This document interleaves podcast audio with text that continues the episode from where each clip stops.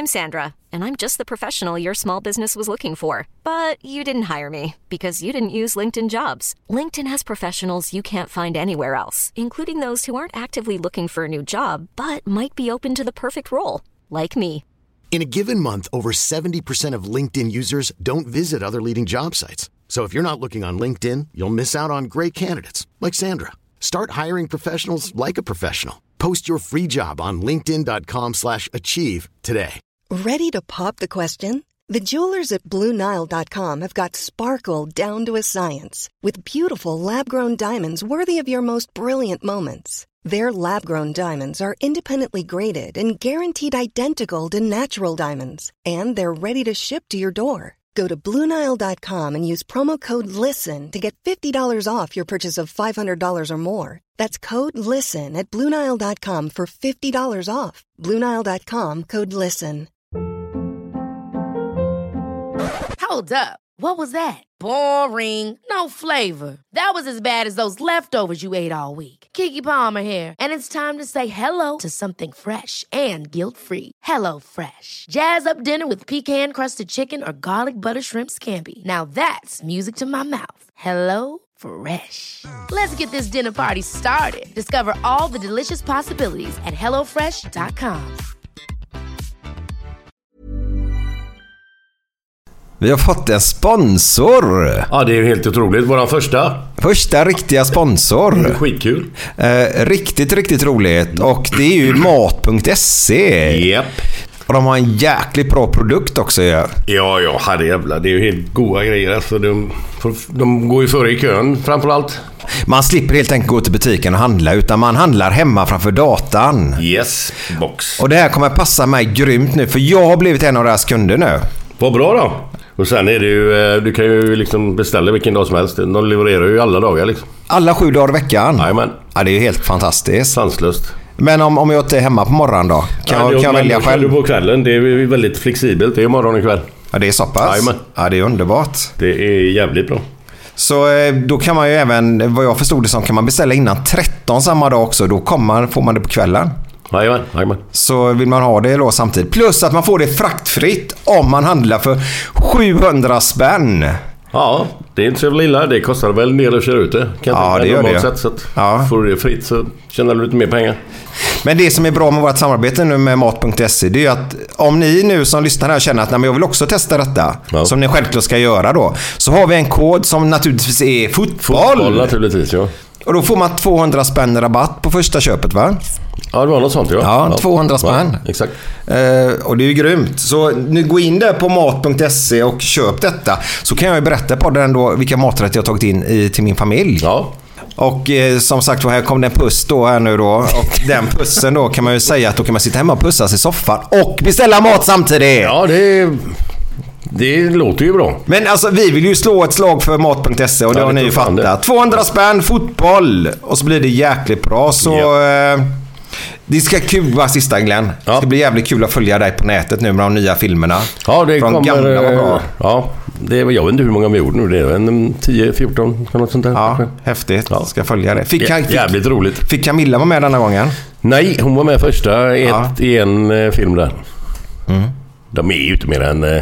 eh, Ja, de första var ju längre, men de här är ju inte mer än eh, max 30 sekunder tror jag. Ja, men de är roliga. De är extremt ja, det är roliga. jävligt kul att spela in det. För de som håller på med det är jävligt fyndiga. Så det är, Mm. det är skitkul. Men vi fortsätter med podden. Så mat.se, fotboll märk ni och så 200 spänn i rabatt får ni då. Så uh, kör på det nu folk. Nu är det fredag. Nu är det fredag! Nu är det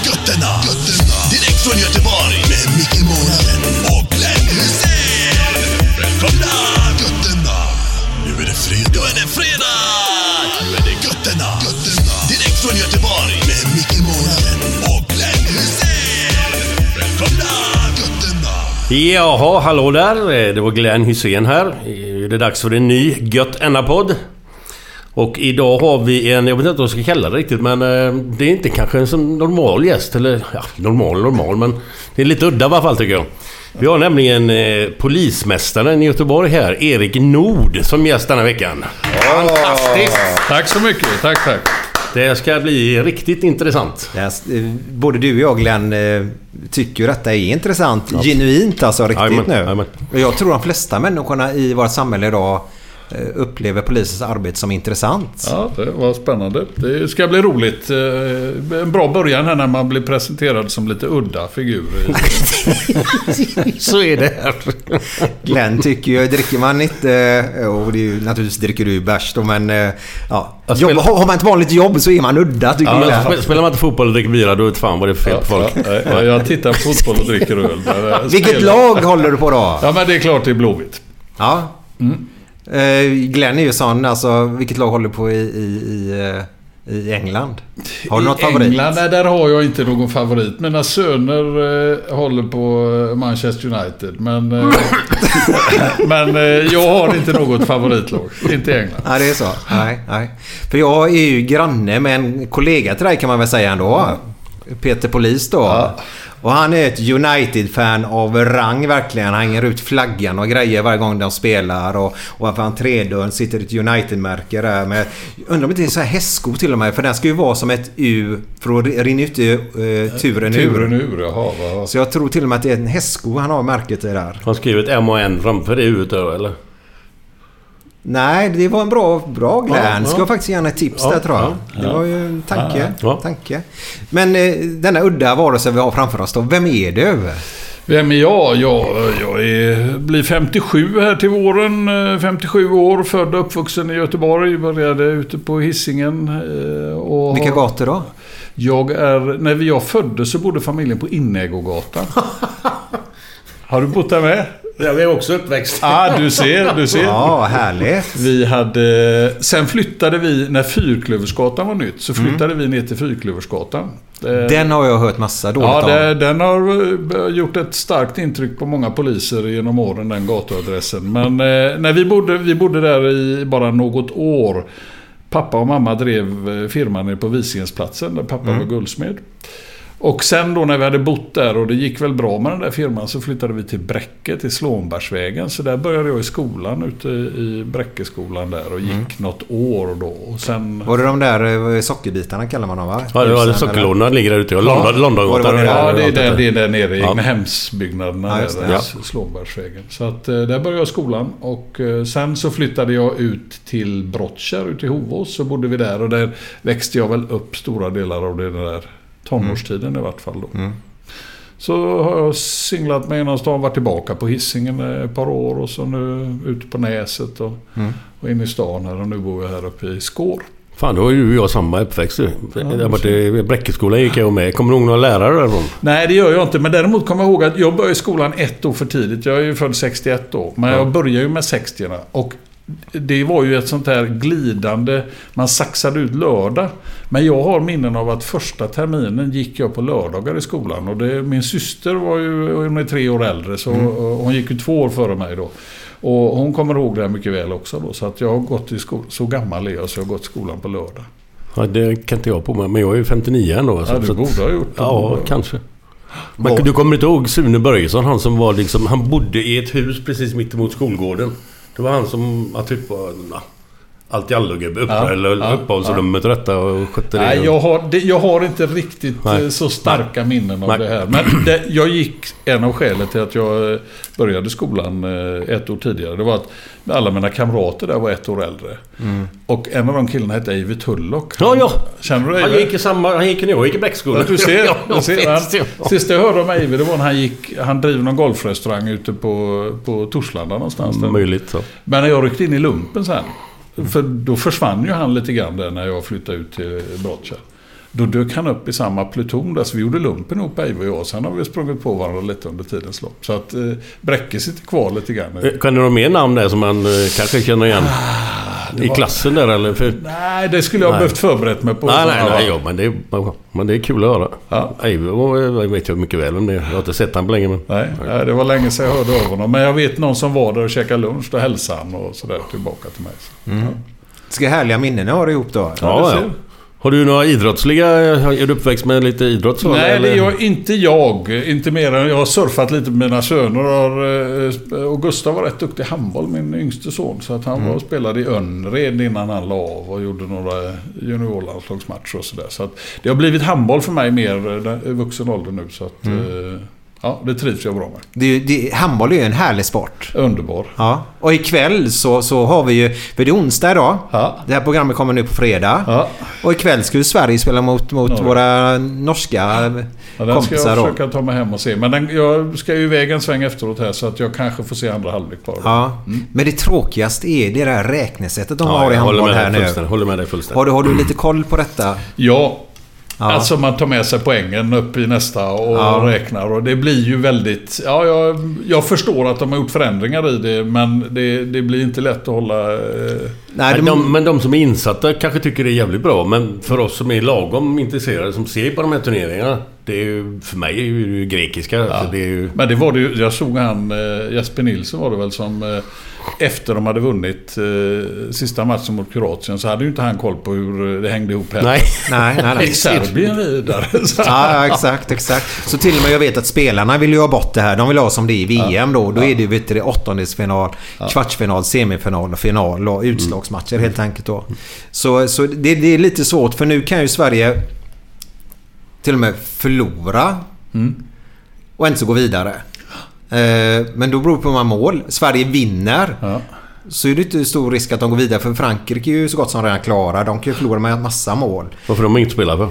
Eller? Nej, men det beror på hur många mål man förlorar med också. Och hur mycket lite man vinner med också. Och detta. Så det, det, är, nej, det är tråkigt när det är så. Jag gillar raka rör Ja, som ni har hos polisen här. Hela näven pekar man med. Jag gillar det. Gillar inte du det Glenn? Ja, men då vet vad som gäller i alla fall. Ja, tydlighet. Ja, ja. Så det blir en spännande kväll på tal om handboll då. tror jag säkert. Tror jag säkert. Det, är- nej. Men- Men dina föräldrar så var ingen sport och så? eller? Inte det, nej inte det heller. Det, jag, jag, jag eh, har inte... Jag blev nästan lika lång som jag är nu när jag var i 15-årsåldern. Och det brukade inte gynna den här motoriken. Utan man hade ett par år där man hade svårt att få med sig allting. Och det var ju då man skulle odla fram den här stora idrottsliga talangen. Och det hade jag eh, inte riktigt... För, det låg inte för mig. Och sen var jag nog lite för lat också. Så att det blev aldrig någon direkt idrottskarriär. Ja, lathet och dålig motivation. Eller mot, mot, Och- och motorik. dålig motorik. Är, är inget bra. Är inget bra nej. Men jag fick lära mig i efterhand och eh, när Gustav spelade handboll så var ju Björn Gilsén tränare dem. För han hade sin son Anton i det här laget också. Mm. Och där fick jag ju lära mig lite grann från grunden under de åren de höll på. Och eh, jag njuter fortfarande av handbollen när jag tittar på det. Och nästan bättre att se handboll om man inte har något lag att hålla på. För då blir man så fokuserad på det. Utan Mm. att man, man kan njuta av spelet. Då. Han har jag mött. Björn Gilsén. I handboll? Jag spelade med ihop i Varten när jag Ja. växte upp. Liksom. Och så fanns det någonting som hette Irstablixten i Västerås. Och han kom ju från Irsta. Så att vi mötte han flera gånger. Han Ja. var ju helt outstanding. Ja. Ruggigt bra. Mm. Bror, brorsan Bro- Per. Brorsan Per också. Ja, Ja. Ja. Men han var ju mest känd för sitt hårda, hårda, hårda skott. Och så gjorde han sån här avgörande mål på ett frikast tror jag. Just det. På 80-talet där. När, alltså det var det sista som hände i matchen. Och så gör han mål på den då. Det var också en sån här grej som man kommer ihåg att han är känd för då bland annat. Ja. Så... Eh, mm, det var en, eh, det, eh, han var väl egentligen som bäst innan de, det där genombrottet mot ryssarna borta där när de blev världsmästare. Det, det är ju före min tid där jag liksom hängde med i handbollen. Utan det är Ja. vad de andra har berättat om då Ja. i, i, det här. Så att eh, jag har inte riktigt den bilden. Nej. Men varför blev du polis? Ja du, varför blev jag polis? Jag vet inte. Det, eh, jag hade lite funderingar på vad jag skulle göra. Och eh, sen så när jag gjorde lumpen så blev jag, eh, ryckte jag in och då blev jag militärpolis. Så då gjorde jag eh, lumpen i Stockholm på eh, K1 och red hästar och högvakt och annat sånt där. Men det var ju polisen hade sitt rytteri bredvid där också. Det var väl eh, förmodligen det som gjorde att jag sen öppnade och funderade lite grann på. När jag kom tillbaka efter lumpen eh, sommaren 81 så fick jag ett jobb här uppe. Det var precis fyllda 20. Då fick jag jobb på häktet här. Så då jobbade jag där ett halvår och så började jag läsa på universitetet. Men sen januari 82 så började jag Polishögskolan då. Och, ja, det var väl förmodligen en kombination av jobbet på häktet och, och militärtjänstgöringen som militärpolis. Men att du blev militärpolis, det var inte någonting som du hade liksom försökt komma till. Utan du blev bara satt där? Ja, Eller? vi, man kunde ju välja och eh, som jag sa tidigare, jag var inte, jag var inte ty, ett sånt fysiskt S så att eh, vare sig kustjägarna eller fallskärmsjägarna. Men det här passade mig. Jag kunde rida också Ja. så att det passade mig bra. Kunde rida, det är inget man bara kan eller? Nej, men vi hade häst. Min syster hade en häst när vi Ja. växte upp. Och då gick jag på ridskola för att lära mig att rida den där hästen. Så att Ja, jag, jag kan sätta mig på en häst nu.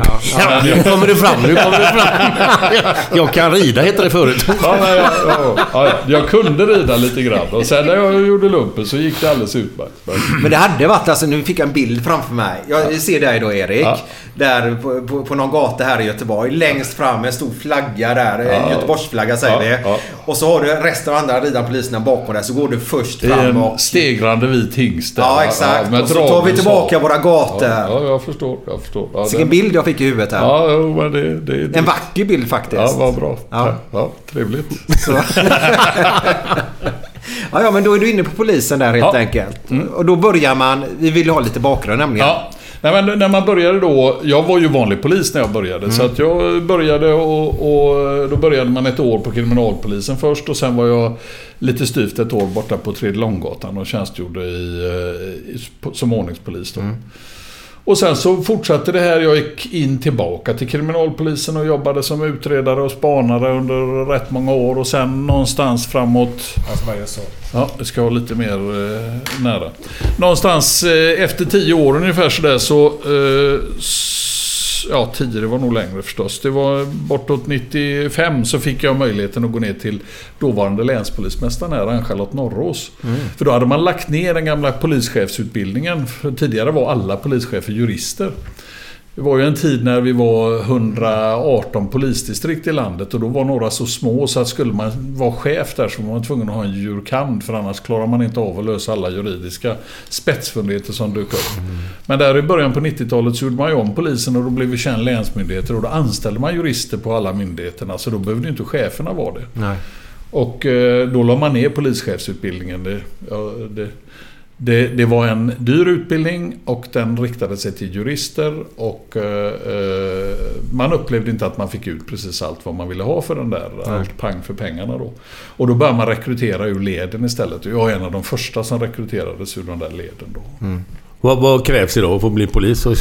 Vad, ska man gå igenom då för någonting? Ja, man ska- Vanlig polis, det börjar Ja, alltså. man, ja, idag är det som så att eh, det finns fortfarande ingen särskild polisutbildning. Utan eh, idag går alla och börjar alla som poliser. Men vi kan anställa folk in från sidan om man ska bli chefer. Så då har jag några kollegor som är chefer som inte har gått polisutbildningen utan kom från åklagaren. Bland annat Helena som är chef på utredningsenheten. Och jag tror att det är ganska bra att vi har lite olika vägar in. Men de vanliga poliserna som börjar, de har i princip Typ ska man ha gymnasiekompetens. Det är kravet. Man ska vara simkunnig, ha okej eh, eh sån här eh, eh, fysik och, och kunna testa. Man testas lite grann. Bland annat intelligenstest gör vi. Det är väl en av de få som gör det. Eh, när man får anställning här. Så Ja. eh, det är bara, vil- vilken siffra ska man hamna på då? Ja, man ska hamna ganska högt upp. Och det är ju det vi har sagt att när vi nu sorterar i de här så har vi kunnat välja bland de som är allra högst upp. Men nu får vi börja välja mellan ett lite bredare spektrum. Och det, då tar alla för sig för pannan. Men fortfarande ligger vi klart över medel på de där Ja. siffrorna då. Men bara, för- vi, vi snackar om, eh, vad heter det? Mensa-testet eller? Vad heter det? Vi talar om MAP och Matrigma och det finns något annat test tror jag som är med, begåvningstest som är med de här när man söker in till polisskolan. Okej. Och, eh, men då så sker det en uttagning där och eh, eh, sen kan man väl säga att väldigt många som blir poliser idag. Jag började vara 20 år när jag började. Det är nästan ingen som kommer in idag när de är i 20-årsåldern. Utan man ställer sådana höga krav på att man ska vara lite stabil och färdigväxt. Det är man ju inte när man är 20 år. Nej, man nej, kände nej, sig lite nej. vek och vilse när man kom ut här och skulle börja domdera och ställa sig och peka med hela handen.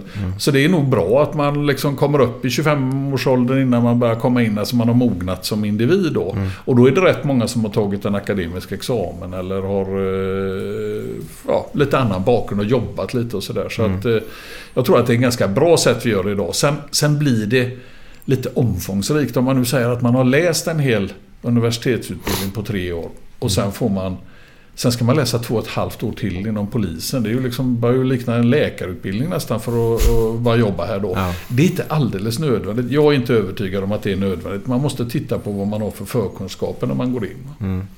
Men så ser det ut idag. Spännande. Ja. Nu, men jag vet inte, så jag har du lite idrottspodd detta ändå på något sätt. Så, så eftersom du var polis här så var du även 92 då när vi hade vårat Yes. EM. Yes. Och jag var på en match här på Ullevi mellan åh, Västtyskland hette väl på den tiden va? Ja. Och eh, Holland.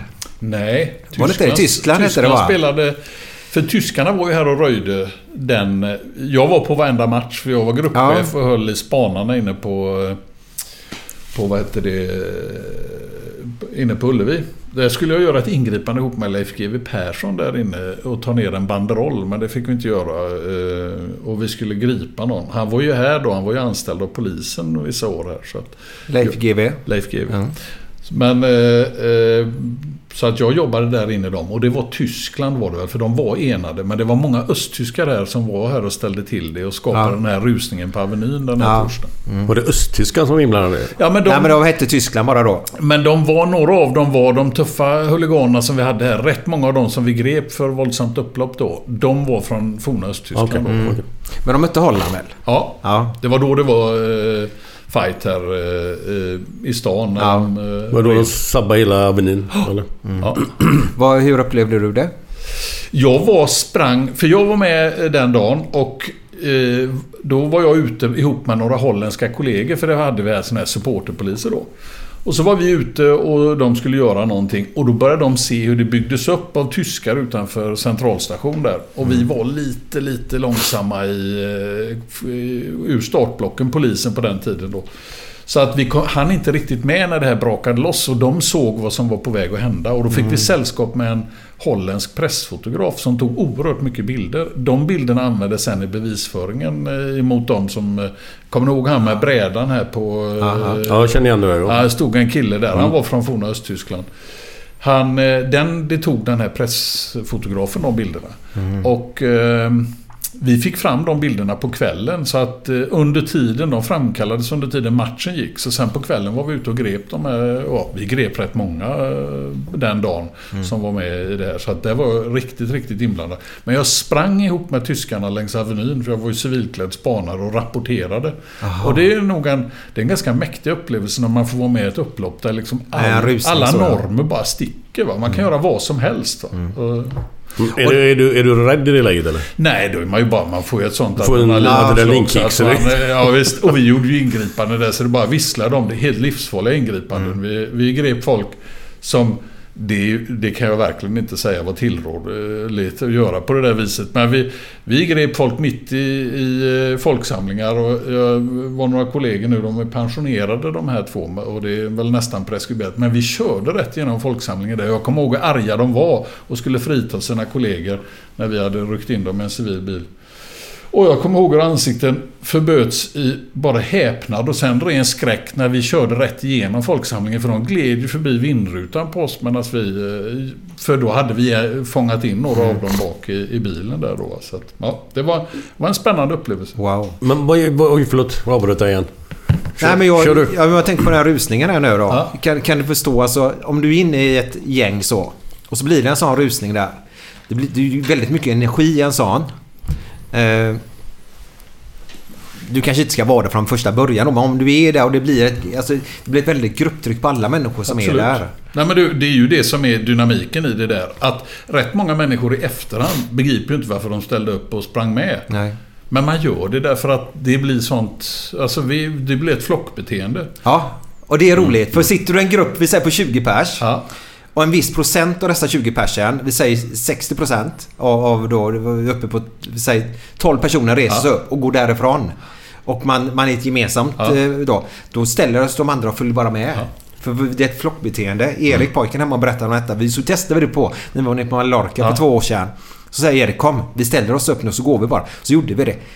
Allihopa ställde sig upp och gick med oss. Ja, ja, ja, Så det är ganska häftigt Ja. med, med Ja, våra det- beteende då. Efter upploppen 2001 då när vi hade dem. Så skapade vi det vi har idag, det vi kallar SPT, den särskilda polistaktiken med bussarna och, och ni vet fotbollsmatcherna när vi, när vi kommer ut med våra Mercedesbussar och, och kör i eh, och ställer upp dem och använder fordonen. Vi har inte sköldar längre och så. Det är ett danskt koncept som de i och för sig hämtade från Holland innan dess då. Men då parade vi det med, med forskning och då hade vi en, en eh, holländsk forskare som heter Otto Adang. Han inledde sin forskning på schimpanser. Och sen gick han över på fotbollshuliganer efteråt. Ja, det är ju nära, besläkt, nära besläktat. Men, eh, men han, han har ju en bra, eh, bra teorier just om det här. Över att om man behandlar folk bra i folksamlingar så kan man knäcka det där. Men om man gör åt andra hållet så kan man nästan få fram vilken reaktion man vill. Om man behandlar alla supportrar när vi, för jag har varit ute när Sverige har spelat fotboll i EM i, eller i VM i Tyskland var jag nere i tre fyra veckor ihop med supportrarna och, och såg det här då att behandlar man fotbollssupportrarna där korrekt så bör de fostra varandra och det är det han kallar self-policing. Och det är därför som det är så viktigt att man inte ska göra ingripanden mot grupper utan man gör det mot individer och man ska egentligen kunna förklara. Sen om det är fotbolls eh, huliganer eller om det är eh, vänsterdemonstranter eller na nazidemonstranter. Det är egentligen strunt samma. Utan man ska behandla alla människor korrekt. Och, men man ska plocka dem som man ska ta. Mm. Och då, kan, då får man inte gruppen mot sig. Det är lätt Mm. i teorin men det är svårt i praktiken. Ja, men jag förstår vad du menar och jag håller med faktiskt. Men det kan man ju nästan applicera på även i en förort. Absolut. Och jag menar, vi, för några veckor sedan så sa ju vår statsminister att man ska inte utesluta att stoppa in militär där. Och jag förstår vad han menar. Jag tycker det är en oerhört hedlig person. Jag har träffat honom ett par gånger. Eh, och jag, jag tror att han är en, en väldigt... Han är kanske lite för hedlig eh, för, för det yrket han har där då. Men, men jag tror att han menade egentligen att vi ska inte utesluta någonting alls. Men jag tror att det är direkt olyckligt att, att skicka ut militär i de här sammanhangen. Militär kan hjälpa oss på många andra sammanhang. De hjälper oss oerhört mycket när vi letar efter försvunna personer. För det är de ganska duktiga på att gå ut i terrängen. Och, och där de, de egentligen utgör hela vår ryggrad när det gäller att leta i sådana här stora sök.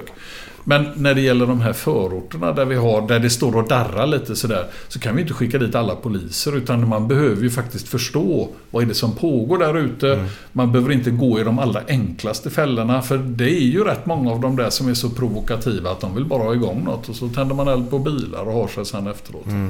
Så där behöver man ha lite miljöträning om man ska jobba där. Men jag tänkte på en sak du sa här i början. Ni var inne på Ullevi och skulle ta ner en flagga sa du? Eller? Ja, en banderoll. Men den fick ni inte lov att ta ner. Varför ja, då? Ja, det, det, vi, vi var inne där och vi tog, skulle ta ner en banderoll men då var det så mycket folk och det skulle bli så vasst och stickigt så den som var kommenderingschef då han ville inte att vi skulle göra det ingripandet där och då fick vi backa hem på det. Man ska ju välja sina ingripanden tycker Ja, jag. och Jo, jo, jo. idag förstår jag honom. Då var jag förbannad. För då tänkte jag, fan vi hade ju läge att göra det här och vi skulle gripa någon i samband med det där då. Mm. Men då tyckte vi att det var en fegis. Men idag har jag full förståelse och respekt för honom. För det, vi skulle kunna startat ett upplopp inne på Ullevi där inne. Mm. Vi, vi, Okej. vi stod i holländarnas klack där på Ja. nedre sektionen på Ullevi då. Eh, och de sa det när det började hetta till lite att, för de såg ju på oss, vad fan gör vi här? Ungefär att eh, försvinn här. Eller så, de sa det snällt holländarna, Ja. alltså lämna här istället för det blir snart bråk här inne då. Va? Men du ser ju ändå ut som en liten småhuligan. Inte på den tiden Glenn. Inte på den tiden. Då, då såg det ut som du gjorde när du var 15 ungefär. Ja, ja, ja. Eh, Så det var... eh, Ja, nej men jag, jag, jag förstår det. Man ska, inte, man ska välja sina fighter helt enkelt. Men nu vet man alltså... Hur ska man säga? Har man koll på någonting av detta innan det här, innan det här EMet börjar? Att det kommer vissa gubbar här nu så kan vi... Finns det någon koll på... Ja, men i, Huliganer ibland, menar jag då alltså. ja, men ibland har man det. Nu har vi det ganska bra. Ja, nu kan jag förstå det. Men, men då... Eh, Då hade vi nog det också, men eh, det var inte riktigt på samma sätt. Om man säger bara 92 så var det väldigt sällsynt att, eh, att vi poliser var ute och tjänstgjorde i andra länder. Men de flesta av oss har varit iväg eh, och sett hur det fungerar på annat håll i Europa. Och vi har det här EU-tankarna och liksom slått igenom. Vi har gemensamma utbildningar. Vi har system som är någorlunda synkroniserade med varandra. Och vi är vana vid att ta emot information och lämna information till andra polismyndigheter. Det var inte så riktigt på den tiden. Så det, var en, eh, eh, det var precis i brytningstiden skulle jag vilja säga. Och strax därefter gick ju Sverige med i EU också. Då, så att, eh, Mm. Det var väl engelsmännen slog väl sönder hela Malmö också va? Ja, de det var väl var- där det blev rusning på torget och det. ja. Det var, Shit, det var alltså. ett jävla liv någon match i Stockholm också. Vid bron där utanför Råsunda var det ett Ja, jävla men de har ju varit här ett par gånger, Ja, engelsmännen, ja. Och, och ställt till det. Men eh, som sagt var, det var, de gjorde ju likadant när vi mötte dem i Köln då, VM eh, 2006. Då Mm. var det, vi var nere med Lars-Rune Bolin där nere. Han var supporterpolis på den Han är ju görgod den gubben. Ja, han är bra, Lars-Rune. Alltså du var där nere också? Ja, då var vi Vi där. var på den matchen också. 2-2. Ja, Ja. Ja, men då var vi där. Var, då, då betedde de sig illa i... Eh, Engelsmännen, ja, ja. Där nere. Och, men du vet, då gick vi in på en eh, krog där. Då satt Blåvitts gäng där nere. De såg lite bleka ut när de hade träffat de där engelsmännen. Så Det- de var nog inte så modiga som de hade tänkt sig riktigt. Nej. Ja, engelsmän är ju det. Men hade ju polacker som var här för ett tag sedan. Ja. Eh, jag har sett en bild på dem när de står i bara överkroppar där, de gubbarna. Ja, den, den är, de, de är ju inte små dessa gubbarna alltså. Vi var i första matchen spelade Sverige 2006 var vi i Dortmund. Spelade vi inte mot Costa Rica där? Var det inte en jävla dålig match? Ja men det är väl där när han nickar in den. Nej men det var i Paraguay det de Okej. nickade in i slutet där. Ja, de mötte. Trinidad Tobago. Trinidad Tobago var det nog Ja, ja. det ja. var, och de blev 0-0 va? Eller? Ja, 0-0. Ja, det var en riktigt dålig match. Men det var mycket svenskar där nere på den här. Men i, när vi var i Dortmund så kom det några... Då spelade eh, Polen någonstans där. Och då träffade jag på polska fotbollshuliganer. Det var en som såg ut som en sån här Belgian Blue. Va? I bara överkropp. Ja. Som du säger, fulltatuerad. Han såg ut som en Volkswagen-buss som de hade ställt upp ungefär. Va? Och då kom ju tysk, en grupp tyska poliser och skulle liksom eh, nypa honom där eller i alla fall kontrollera vad han gjorde. Jag vet inte om han var påtänd eller något. Men jag såg ju på honom att han stod och tittade på, det kommer åtta poliser va. Och så stod jag, han stod och mätte dem med blicken och tänkte jag tar dem nog. Och sen så kom det en grupp till. Och då såg man på honom, "Pff, nej 16 klarar jag inte. Men han stod och funderade på... han får de ta åtta då? Ja. Du vet, det, det var en bäst kan vi konstatera. Ja. Och de, det var ju likadant, de var ju här för två år sedan var de här och spelade. Och i Ja. somras var de väl också här va? Ja, Eller var det men, förra nej, men det var två år sedan. Ja. Men, Men då- då nej, men det blir ju slagsmål och det också. Ja, när Blåvitt mötte det Ja, exakt. Ja. Det är ju de polackerna jag tänker på. Voklav eller vad heter Ja, de kommer inte inte ihåg så? dem. Flask- Ja, de- Då hade vi dem uppe på judiska eh, ålderdomshemmet. Var de där uppe och protesterade. Eh, ja, mycket Jaha. märkligt. Det fanns en förklaring till det. Men eh, Vadå? Det hänger inte jag med alls. det, det, är en man som sitter där uppe som eh, har polskt ursprung och som eh, de kopplar ihop till eh, och i eh, någon form av idé över att han, han var kopplad till den forna regimen i Polen. Och då kom man dit och protesterade. Det har de läst på. Oj! Så de läser i alla fall? Ja, det verkar så. Det var inte illa. Men har du, har du känt dig hotad någon gång liksom in, nu när det gäller fotbollsorganen och sånt i de sammanhangen? Nej. Varit rädd liksom att fan, det här Någon gång så spårar sa jag ju att, att för att få stopp på det där bråket som var då när vi hade de här bråken så skulle vi kunna utdöma att man fick spela utan publik. Att vi sa att det där är en offentlig tillställning. För hade det varit någon annan tillställning som hade dratt på så så det blir sådana upploppsliknande stämningar på gatan och så. Så hade vi ju sagt nej, den får ni inte genomföra. Men det är klart, fotbollen har ju ett, stort, ett stort värde i vår, eh, vår kultur och, och betyder så mycket för människor. Så vi, det går, funkar inte. Men man skulle ju kunna säga att ja, men, eh, om inte, om inte fotbollssupportrarna sköter sig på stan så får man spela någon match utan publik. Och det kan ni förstå hur populärt sånt där är när man spelar in det. Och då stod de och skrek någonting. Men ja, det, det, det är ju så att sticker man ut hakan och säger något sånt så kommer det reaktioner och det får man ju bara stå för. Och det kom ju lite i höstas nu när vi stack ut hakan och, och talade om för NMR vad vi förväntade oss och inte av de här när de skulle demonstrera här. Och då, då går de här och ropar att man är landsförrädare eller något annat sånt där. Men i huvudsak, nej. Man klarar sig ganska bra. eh, I alla fall när man har de här graderna och den här nivån. De som ropar, det beror på vilka det är som ropar. Man tar väl åt sig olika vem det är som ropar också eller? Jo, det gör man ju. Men det, samtidigt så är det ju ett spel mellan grupperna. Och, eh, och, och alltså, som vi sa tidigare, när det är grupper av människor, fotbollssupportrar på en läktare, det vet ju allihopa hur fort det går innan de börjar och, och liksom uppträda, ha kollektiva beteenden. Som när de är positiva är de ju jävligt roliga och det, ju, det känns ju verkligen gott att stå i ett sånt gäng. Men när det blir negativt så blir det precis lika plumpt och dumt. Då. Jo, men det är väldigt roliga gubbar att ha runt sig. Ja, när, är när det är positivt. Eh, är det faktiskt. Men när man, när man går då i sådana här sammanhang när det är som värst där. Har man vapen på sig eller? Ja, eh, det har vi ju.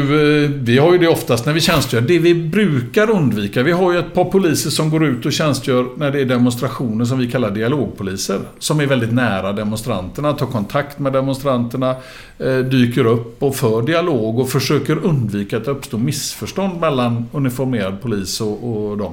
De brukar inte alltid vara beväpnade. Det avgör de lite grann själva. För det, det kan ju upplevas om de kommer med en pistol som att det blir Och för en dialog. men, men de avgör det lite grann. Eh, och det där har varit stora diskussioner. För det är klart att man kan ju hamna i situationer där man skulle behöva freda sig. Men vi har väldigt trygga dialogpoliser i, och vi har jättebra, haft jättebra supporterpoliser som också är väldigt trygga. Som vågar gå mitt i den här högen och, Ja. och, och skyffla dem vidare när de börjar uppträda sådär kollektivt dumt. Mm, Där, de har väl en väst på sig där det står dialogpolis till och med. Ja. Så man vet vem det är. Men Glenn, fredagskänsla. Japp. Måndag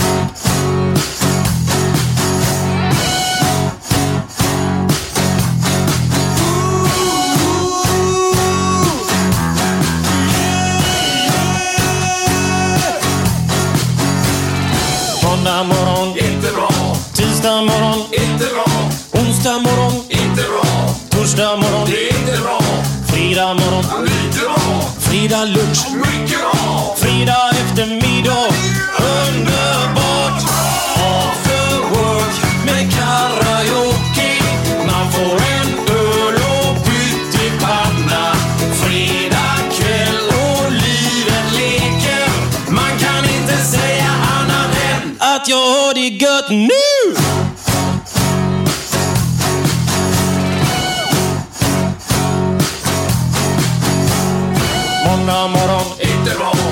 Tisdag morgon, inte bra, onsdag morgon, inte bra. torsdag morgon, är inte bra, fredag morgon, lite bra, fredag lunch, mycket bra. fredag eftermiddag.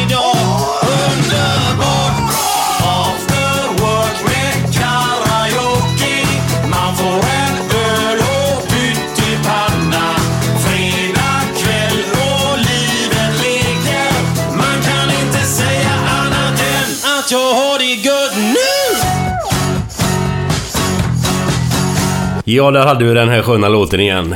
Med Björn Rosenström. Det är ju fantastisk. After work. Den blir bara bättre och bättre. Fantastisk Glenn, är det. Ja, nu har jag sagt det också Ja. en gång. Ja. Eh, Vi sitter på ditt kontor här. Ja. Vi får lite kaffe och lite vatten här och du har härlig utsikt. Ja. Över tennisbanan. Glenn. Mm. Eh, nivåsättning sen. ja, ja. Nu direkt eller senare? Ja, men du hade ett namn också på den här ytan eller någonting. Ja, ja, ja, ja. Den här har du säkert hört. För det här är ju en gammal sak. Men... Det finns ju ett allmänt namn på... Det som går emellan polishuset och Ullevi. Där är Ullevi. Eller där menar jag, förlåt. Ja. Den, den ytan som är emellan Ja, där. ja. Den går ju under ett speciellt namn. Nej, det, Men det har du inte hört? ja, det kanske, men jag, inte så att jag kan... eh, Ja, men de brukar kalla det för straffområdet. Straffområdet, ja du ser. Det, är ju- ja, det är bra. Men den har jag trodde alla visste. Glenn tycker den är roligast som vanligt. Kan jag vara en riktig nivåsättning nu då? Ja, då ska vi bara, bara en fråga. Vi har en praktikant med oss idag, Maja här. Behöver hon hålla för öronen, Glenn? Nej, det är inte så farligt idag faktiskt. Det var Inte värre- så farligt som det var det igår? Var, nej, det var värre igår faktiskt. Okej. Ja. Men vi kan väl, vi kan väl köra så här då att... Eh, eh, den här kan vara en eh, gammal repris, men det gör inget. Nej, den Nej. var ju så bra så. För det var så att det var en gubbe som hade en papegoja. Ja. Och den här papegojan hade varit ute och flugit i lägenheten så hade han snott gubbens Viagra-tabletter. Så papegojan satte ju på gardiner och diskhon och hade jävla möbler och golv och allting så att... Han blev ju helt tokig. Ja. Så han blev stollig gubben och sen tog, fick han tag i papegojan så lyste han in, låste han in den i frysen. Och så gick det en timme eller någonting. Så tänkte han fan jag la ju papegojan i frysen. så han går ju ut i köket igen. Öppnar frysfacket. Där ligger papegojan och flåsar. Svettas. Och då frågar gubben vad fan är det med? Vad har du gjort? Ja, har du själv försökt att sätta på en djupfryst kyckling någon gång? Ja, jag tycker den är sådär faktiskt. Den är- Den är, den är inte riktigt söt, men jag Nej, förstår. nej. Du förstår läget. Jag vill ha haft en söt ju. Ja, vi får ta den senare. Jag får ta den sen ja. Eh, Men vi går tillbaka, eh, inte där vi var innan, men vi, vi, det är ju så här Erik. Det som gör att folk tycker det är väldigt intressant med polisen idag är ju att det händer ju eh, grövre och grövre brott i vårt samhälle idag. Nu snackar vi inte om skjutning, nu snackar vi om handgranater till och med. Eh, Vi snackar om gängkriminalitet som breder ut sig. Du måste ju rätta oss om vi har fel här nu, men jag har väl för mig att det var typ 01 som det började här i Göteborg ungefär va?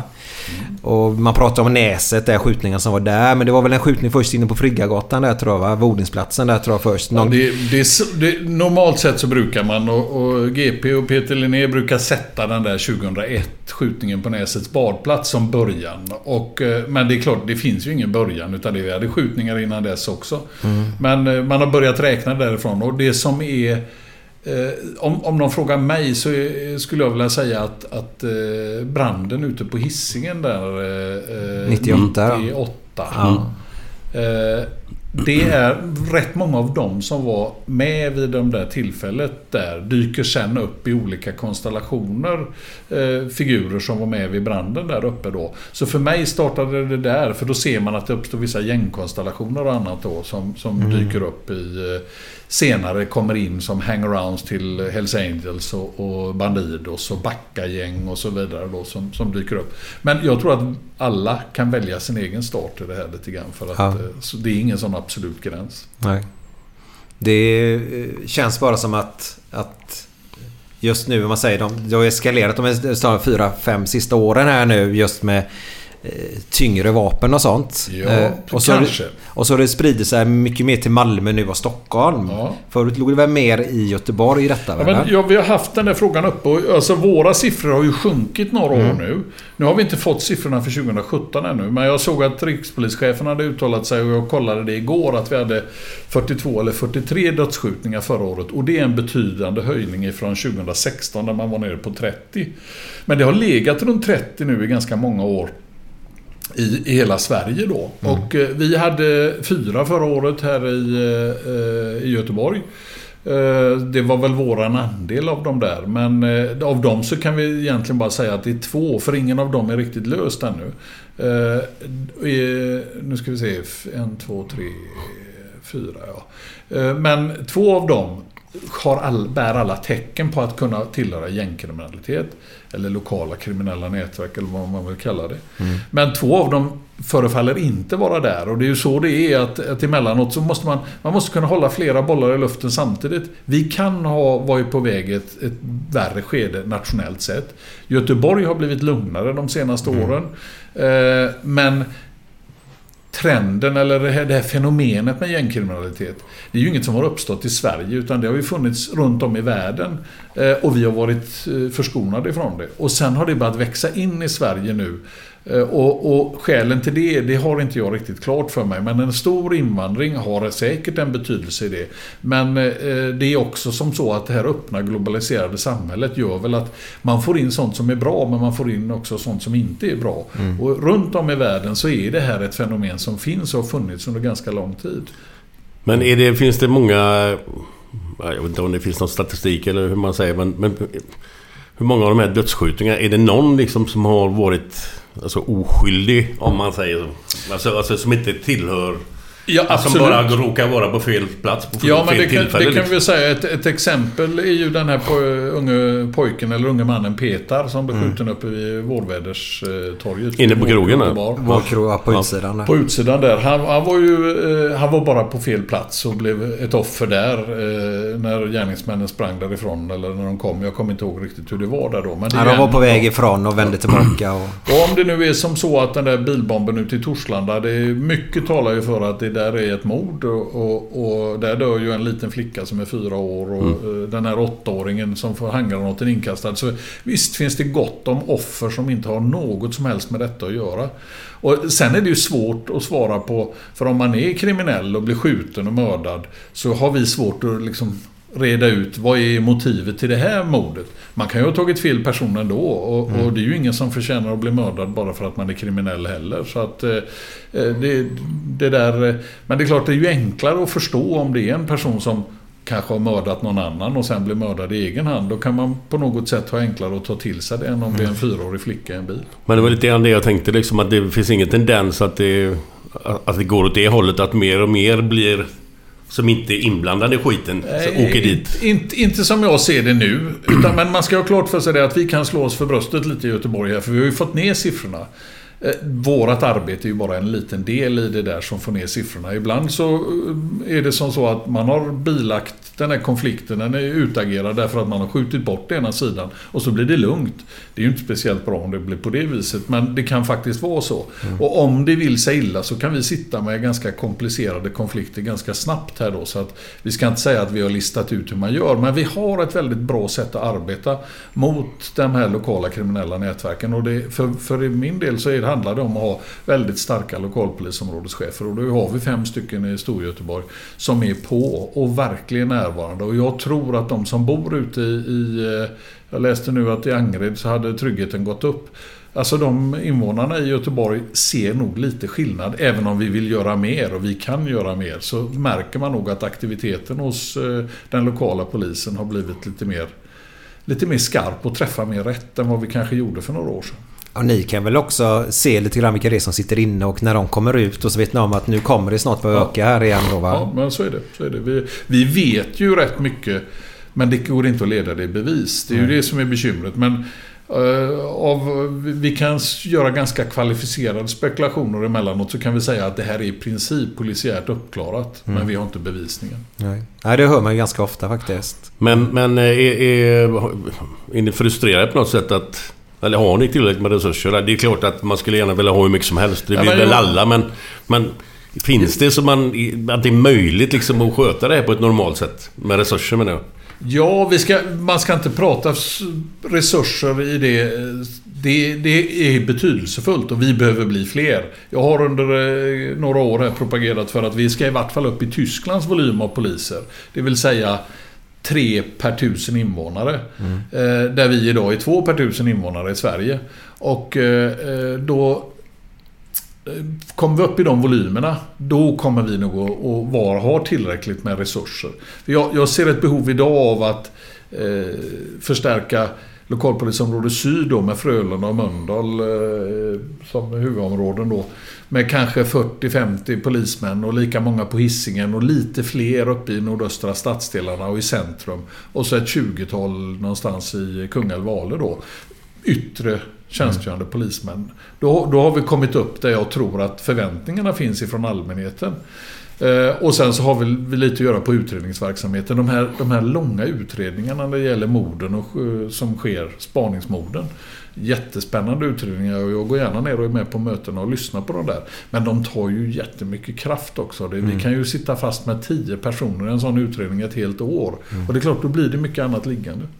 Ja, för det börjar de skjuta en ny stad då. Vi säger Malmö nu som varit senaste tiden och mycket Stockholm. Då behöver ju, det, varje mord tar ju jättemycket resurser som du säger då. Och då tar de nu från andra eh, Så är det. grejer de ska jobba med det. egentligen. Ja. Vi kan inte utesluta att vi får hjälpa Stockholm och Skåne med lite utredningsresurser så småningom om det fortsätter på det här sättet. Framförallt Stockholm har en väldigt komplicerad situation. Mm, men om man, om man lyssnar på den, jag, jag har ingen inside information i det, men om man lyssnar på den så förstår man ju att de, de vet ju hur det här hänger ihop. Mm. Det är bara att de får inte grepp på dem riktigt. Och, och, ja, jag har lite sympatier för att, att de har det jobbigt i Stockholm nu. Mm. Jobbar ni likadant som Stockholm eller jobbar Stockholm likadant som ni gör? Eller hur ser det ut? Ja, vi... eh, De stora städerna brukar ju titta på varandra. Men jag tror att jag, vi har haft förmånen här att... Eh, Göteborg är en stad som är så liten, en stor småstad kanske man ska beskriva det som. Så det händer saker och ting hela tiden i Göteborg. Men det, det, det händer dubbelt så mycket i Stockholm, men det försvinner i bruset där uppe. Och det innebär att på den goda sidan så är det som så att, att vi, vi har hyfsat grepp om helheten här i Göteborg. Det får vi genom det där. Men samtidigt om vi får mycket skjutningar här så ser det ut som det skjuts hela tiden i Göteborg. Men det skjuts dubbelt så mycket i Stockholm.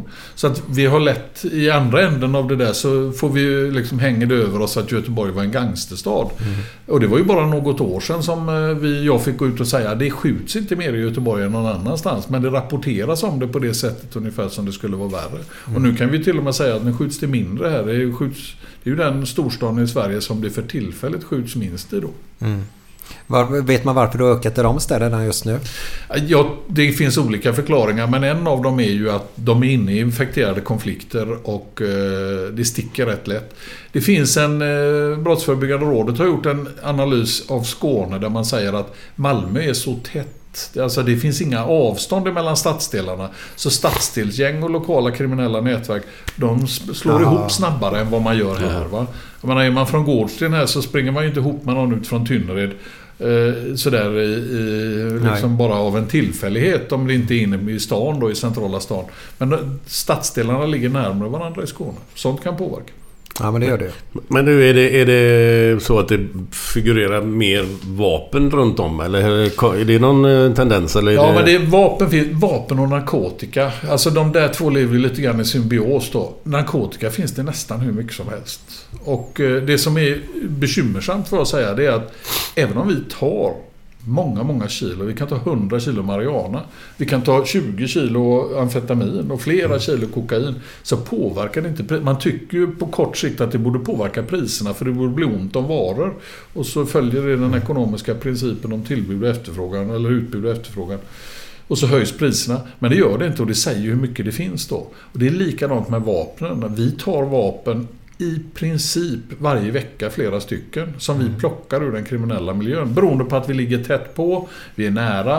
Eh, men det verkar inte påverka tillgången. Så att det är en stor tillgång av vapen. Och jag läste idag i, eh, om det var i Aftonbladet eller vad det var på nätet, att det var någon eh, i Balkan som sa att Sverige är den största importören av illegala vapen ifrån Balkan. Det var uppfattningen från en åklagare där nere. Och det säger väl något kanske.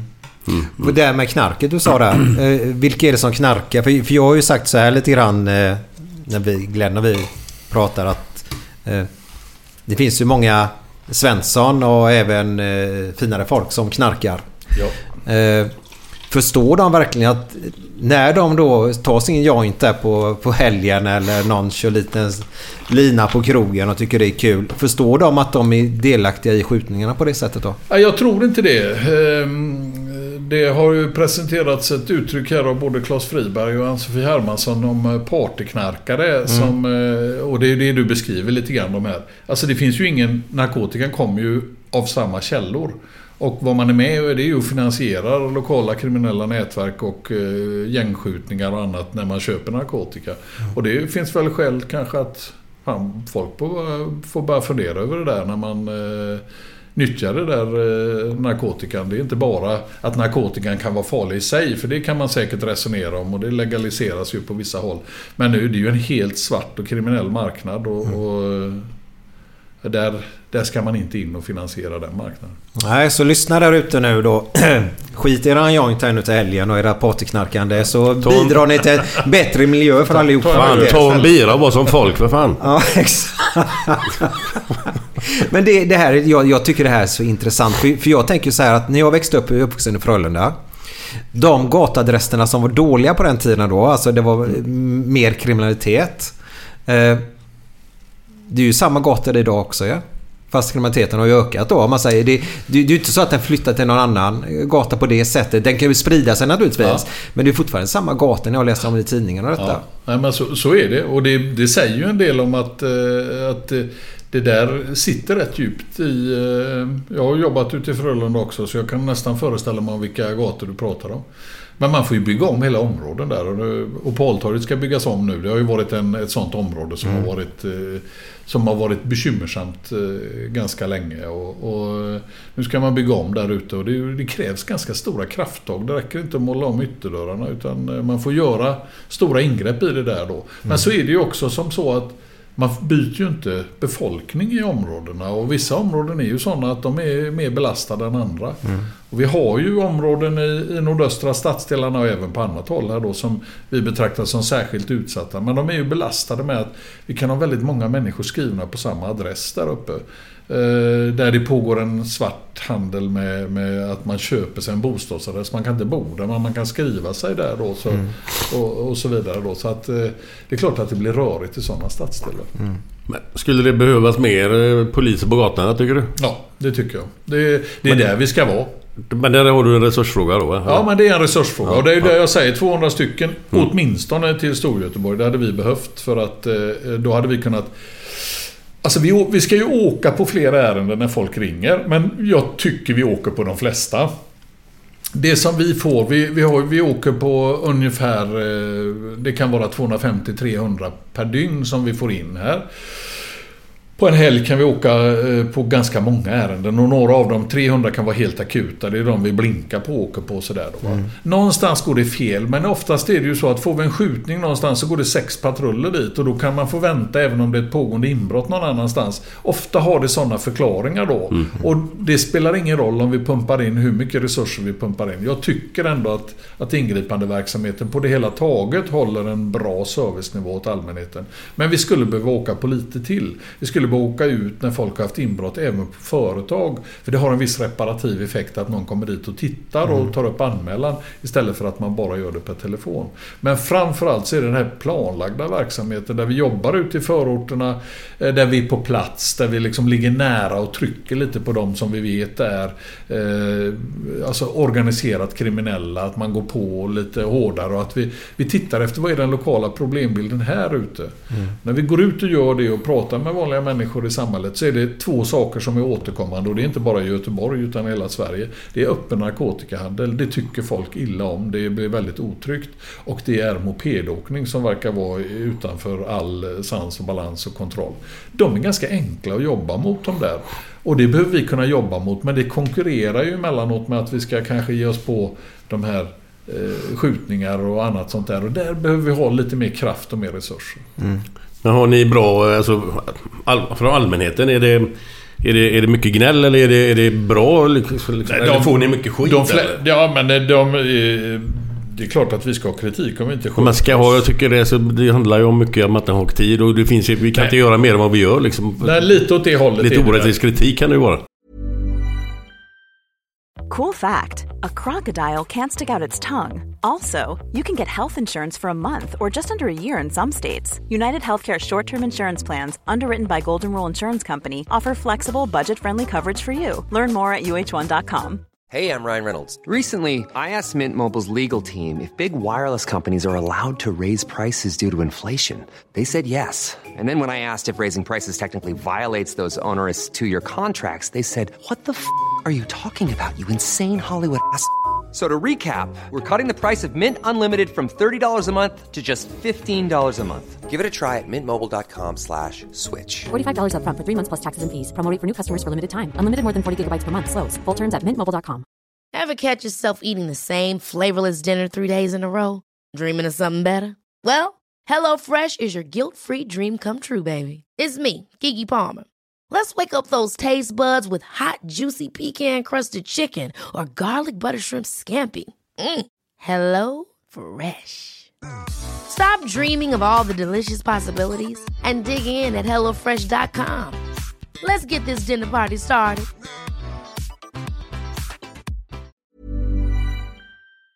På det hela taget så skulle jag vilja säga vi har ett, har ett ganska gott, allmänheten har ett ganska gott förtroende för oss. Det märkliga är ju att även kriminella har ett gott förtroende för oss. För när de råkar illa ut så vänder de sig till polisen. Eh, det tycker man ju inte att de skulle göra, men det gör de då. Och det beror på att jag tycker vi har ett, en bra och korrekt poliskår som har, där även de vi jobbar emot har förtroende för oss. Och det är väl det bästa betyget utifrån förtroendemässigt då. Sen har vi inte riktigt förmågan att leva upp till alla förväntningar som finns. Men eh, det är väldigt många människor som är jättenöjda med det, det vi gör. Och, och, och huvuddelen av alla som arbetar här är ju, är ju helt, eh, drivs ju av känslan att hjälpa till och ställa till rätta. Då. Jag tänker så här i, i förorten då. Mer poliser, det är synliga poliser, är alltid bra.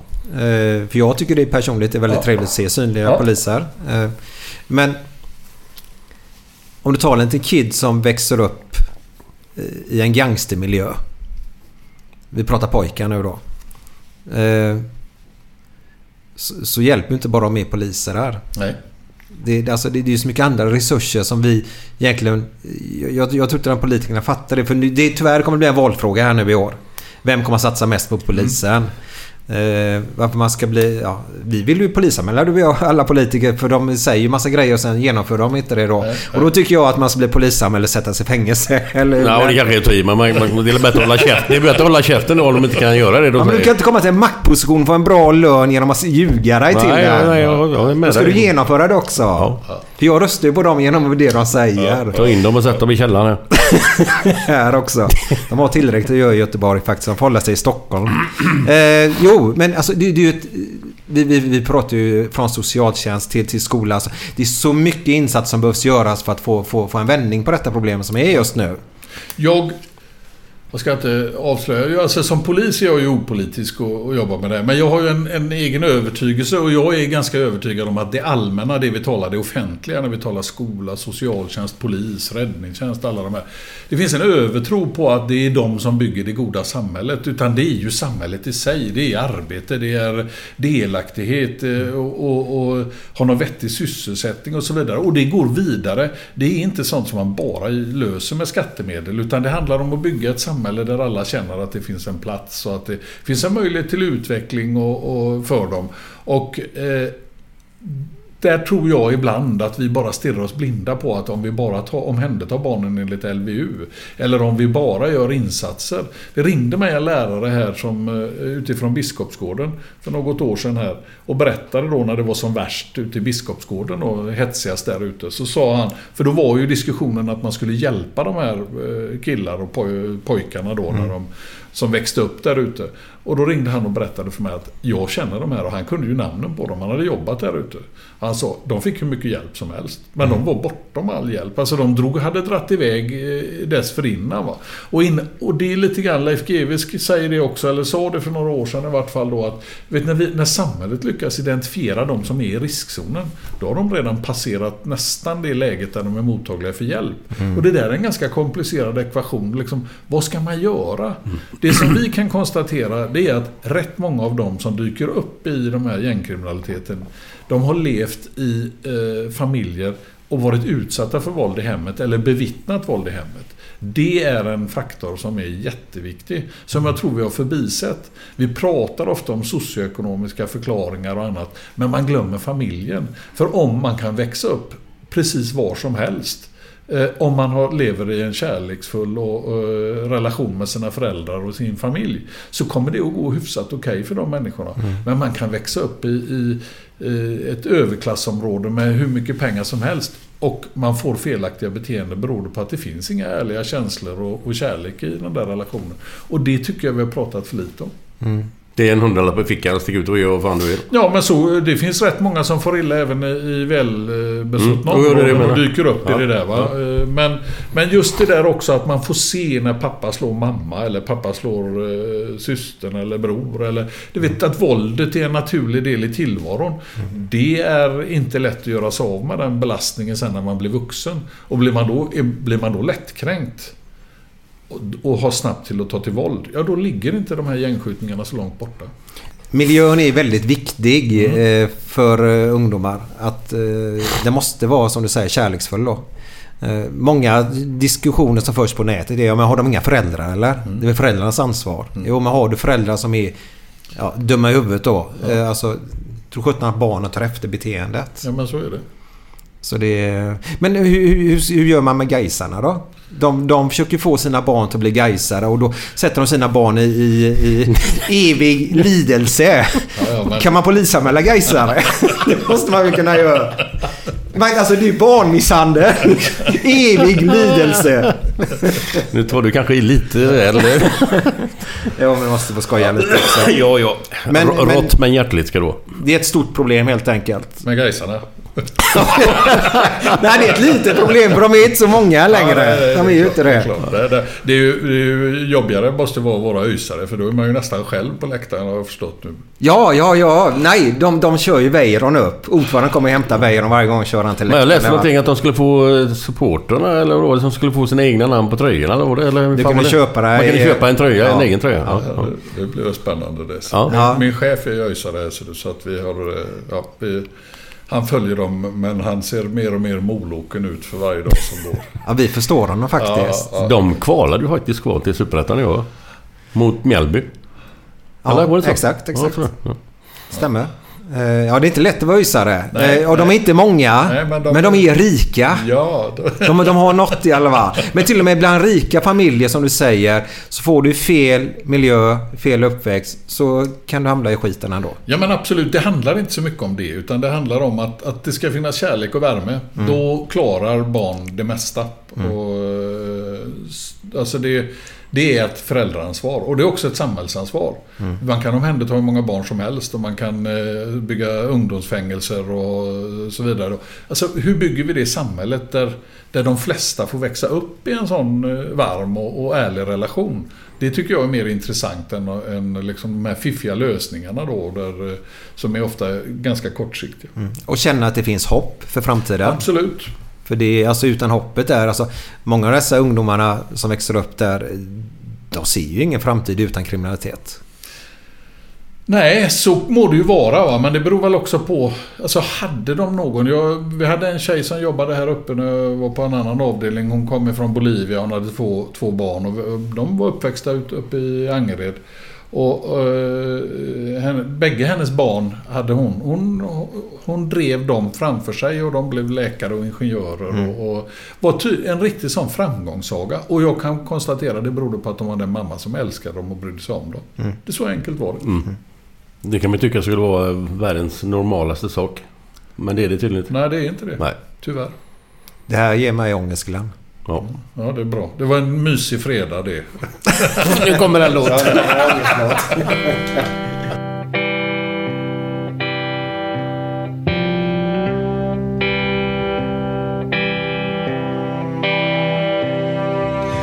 Fem på morgonen i New York City går en man i en sliten gammal hatt. Sveper rocken kring den tunna kroppen, huttrar till. Det har varit kallt i natt. Ser en strumpa sticker ut ifrån hans sko. Vandrar vidare men utan framtidstro. Fem på morgonen i Hallonbergen står en kvinna med gråten i sin hals. Tittar håglöst in i morgonsolen. Hon är trött, hon har inte sovit alls. Två av fem miljarder människor på vårt klot. Men mot deras ångest finns det ingen bot.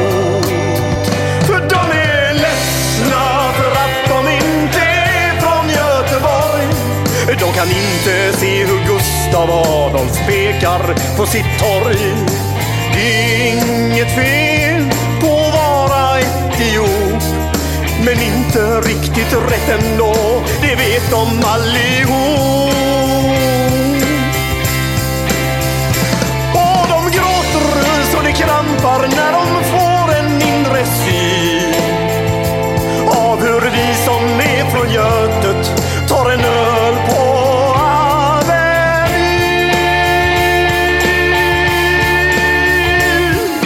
En fotbollskille får sitt genombrott och snackar proffskontakt med fem italienska klubbar. Ändå känner han att tåget har gått. En annan gubbe med en ollontusing och en latextjuva skriker ta mig ur röven gubbar. Men det ger honom inte nåt. Samma tomma blick och tårar salta smak. Om man frågar säger båda samma sak. De är ledsna för att de inte är från Göteborg. De kan inte se polisen dunka buss på Schappans-torg. Det är inget fel på att vara från Mölndalsbro. Men 14 stopp med fyran svider mer än man kan tro. Och de gråter så det krampar när de får av hur vi som är från Götet, av hur vi som är från Götet. Torsdagen ja. Ja, det är ett riktigt sånt Göteborgsväder idag också. Gott. Ja. Bara alltså utanför podden så... eh, Det måste, du måste ha ett fantastiskt härligt jobb. Ja. Det har jag. Ja. Eh, ju- Och det, sen jag blev chef i Storgöteborg så har det... Nu är det ju så, nu pikar jag ju lite grann i min karriär här. Jag, förmodligen stannar jag på den här nivån. Och jag har inga andra ambitioner för då ska jag bara flytta på mig i riket och sådär. Så att jag, och jag stannar gärna, jag har gjort fyra år nu, det är våra förordnanden. Så stannar jag fyra år till om jag får chansen. Och sen får jag se, liksom, att någonstans där eh, försvinner eh, väl det där. Och då har jag fått vara chef i den stan jag växte upp och förmodligen kommer att dö i också då. Eh, under eh, åtta år eller tio år eller vad det kan bli eller något sånt där. Och jag trivs så oerhört väl med det. Och jag har f- fått vara med om det. Att det är fantastiskt att när vi startade här 1 januari 2015 så hade jag... Då fick jag ju till, vara med och tillsätta cheferna. Så att de tio, ja det är ju elva chefer som direkt rapporterar till mig då. För att vi har fem lokalpolisområden. Så det är Bobby på kriminaljouren, det är Christian det är på personintaget, Susanne har grova brott. Eh, Doris har eh, spaningen och Marianne har brott i nära relation. Och så Marie som eh, sköter våra, eh, vårt kansli här då. Men du vet, när man har varit med och får göra det och alla får starta samtidigt.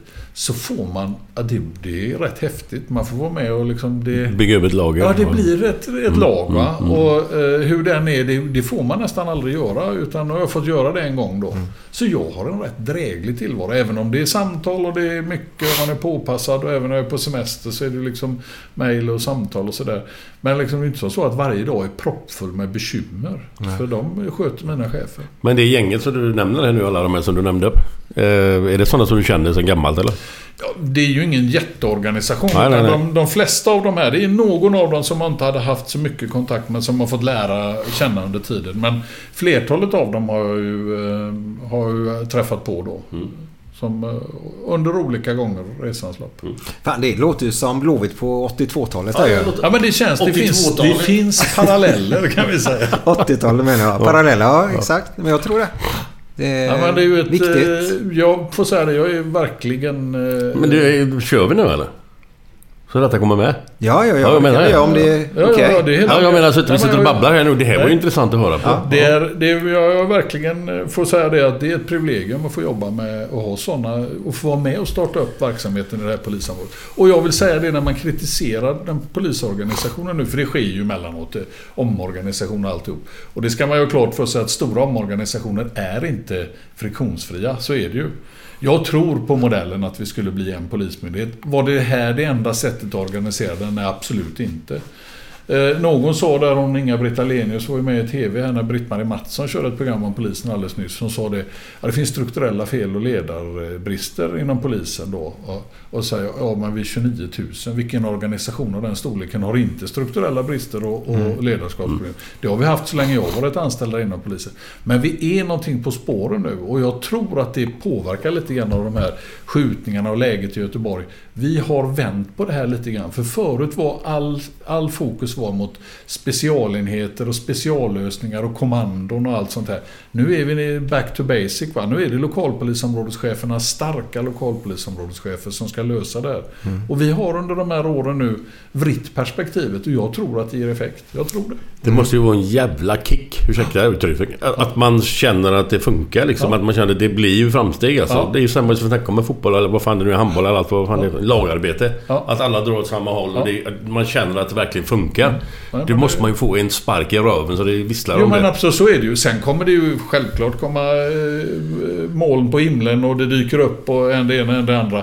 Men just för egen del så får jag säga det är ett privilegium att få göra det här. Inget med GSI då här i polishuset? Eh, nej, det har vi inte någonting. Nej. Eh, vi, inte, inte, vad, inte vad jag vet i vart fall. Ja, de- de är ju lite hemliga visserligen. Ja, de är jättehemliga. Är du med nu Glenn eller? Ja, jag har hört talas om det där, men jag vet inte riktigt med vad det var. Nej, det är Johan Falk väl? Ja. Jaha, ja, ja. Ja. Men de är ganska roliga de där filmerna för det finns en annan chef som ser som är väldigt snarlik. Eh, De har lånat lite karaktärer Aha. ur... eh, Ja, var det, Ja, då kan ni sitta gött och garva då. Ja.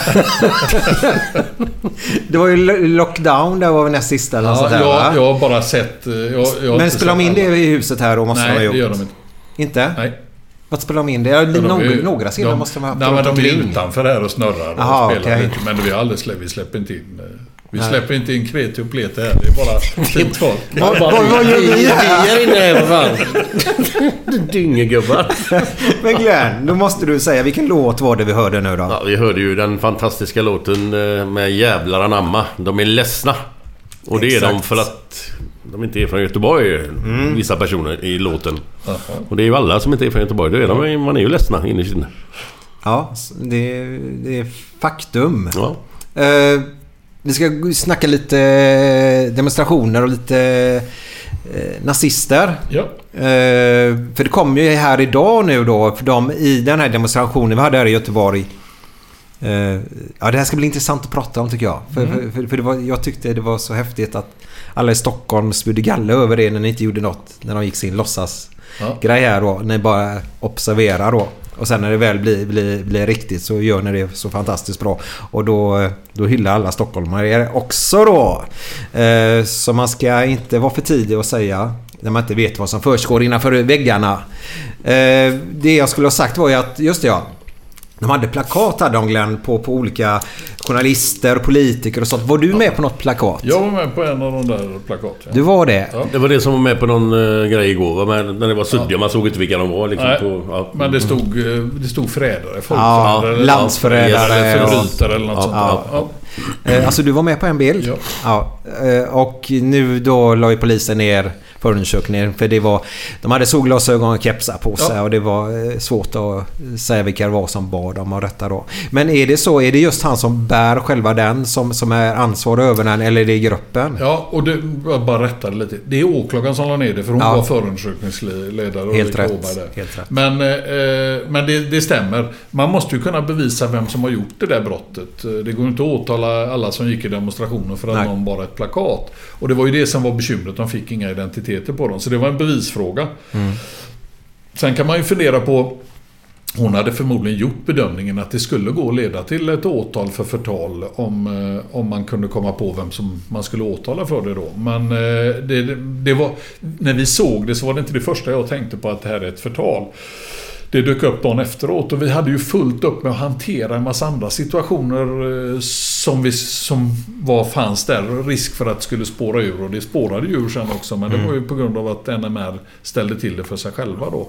Ja. Eh, Så att eh, det, därför var ju inte det prio att vi skulle gå in och identifiera de här personerna som bar plakaten. Men det, det kanske vi skulle ha gjort. Men du, vad är det för lågt stående varelser, parasiter som går omkring och inte vågar stå för det de håller på med? Med solglasögon och luvor och grejer. Alltså sådana människor man ju... Vad är det för, vad är det för jävla dårar alltså? Mm. Alltså jag har noll respekt. Det är ju as för fan, ursäkta. De vågar inte stå upp för vad de går omkring med ju. Nej, men det, det, det är ju... eh, Emellanåt är det ju som så att man demonstrerar maskerade för det där.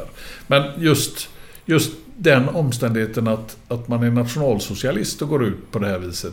Att den attraherar människor, det tycker jag är oerhört märkligt. Men varför? Jag, jag blir så irriterad. Varför just på våra gator? Varför just i Göteborg? Vad, vad, vad, Nej, men de, har- de är överallt. Jo, men det känns som... Det är mer i Göteborg. Det känns så precis som skjutningarna känns då. Men det känns så. Det, dels så har vi en tradition att vänstern är ganska stark här tror jag i Göteborg. Och då, det är ju, de lever ju, alltså nazisterna här då, eller NMR, de lever ju i de provocerar. De är ju inte sådär våldsamt många. De skulle ju bli tusen här. De blev ju inte det. De Nej. blev eh, 400-500 här då.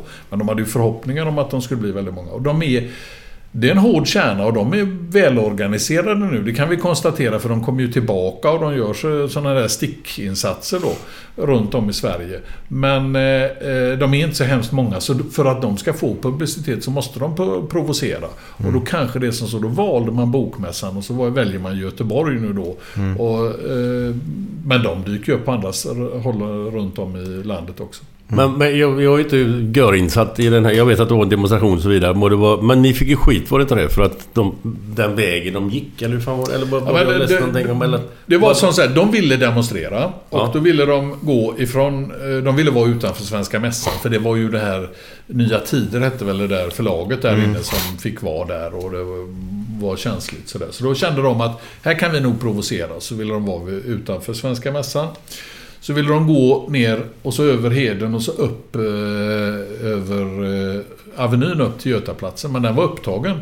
Och då pratade vi med dem och så sa vi, eh, för vi ska ju meddela tillstånd när folk vill demonstrera. Om man är nazist eh, eller inte, det har ingen betydelse. Vi ska försöka lösa det där. Vi ska vara tillmötesgående. Så då säger vi att ni får gå ner till Gustav Adolfs torg. Och det ställer de upp på. Men då ville de gå Östra Hamngatan ner den vägen och vi ville inte ha dem där för vi förstod att det skulle bli bråk och stök. Då behöver vi ha dem på en väg där vi har lite skydd av flanker och, och staket och annat sånt här. Och inte upp på den här breda gatan med alla tvärgator. Så då fick de ett tillstånd att gå här förbi katolska kyrkan och så förbi Ullevi och så ner över Drottningtorget. Och då då överklagades det här av Svenska Mässan, av Judiska församlingen och av dem själva tror jag. Och då kommer för, förvaltningsrätten fram till att nej, de ska stanna här nere utanför eh, Ullevi. Ja, ja, vi noterade bara det att, att det blev så. Att eh, de gjorde samma bedömning som oss, domstolen, att de skulle få demonstrera men kortare demonstrationsvägen. Sen överklagades det igen och då gick det förvaltningsrätten för då skulle ju... Det var väl Gais som spelade då? Ja, de hade någon eh, En blandning match där. här familje- Gratis, Ja. gratismatchen. Ja, det var ju massa ungar och grejer med där också. Då. Då kortade man tiden för dem. Och sen skulle de dit. Och, och då hade de ju tid, en viss tid fram till det här. Men de hade problem att komma ifrån ICA Maxi i tid. För de samlades där ute.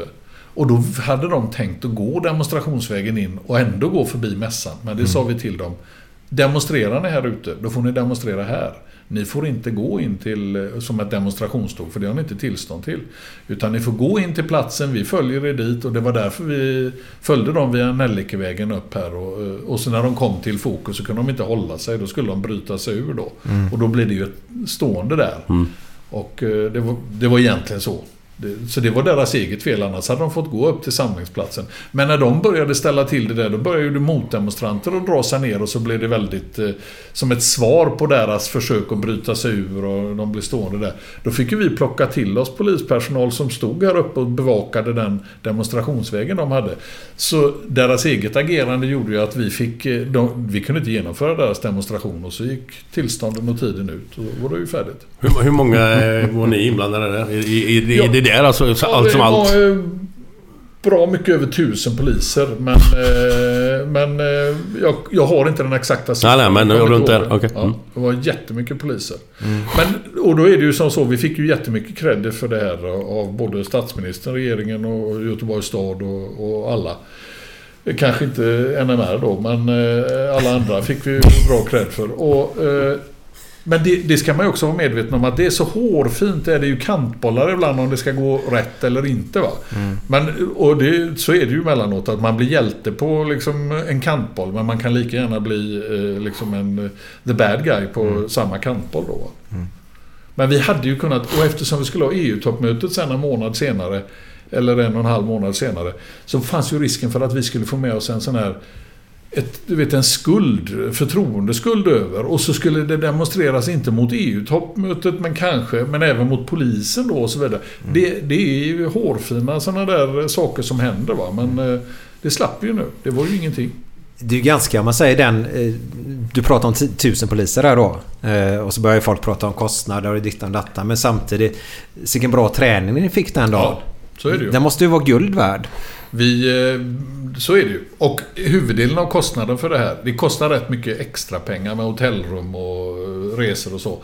Men de stora delarna har vi ju genom att folk är anställda. Utan det handlar ju om att de inte gör det de skulle ha gjort annars då i det här. Men jag menar, när det handlar om demokrati, yttrandefrihet eller möjligheten för regeringschefer att mötas.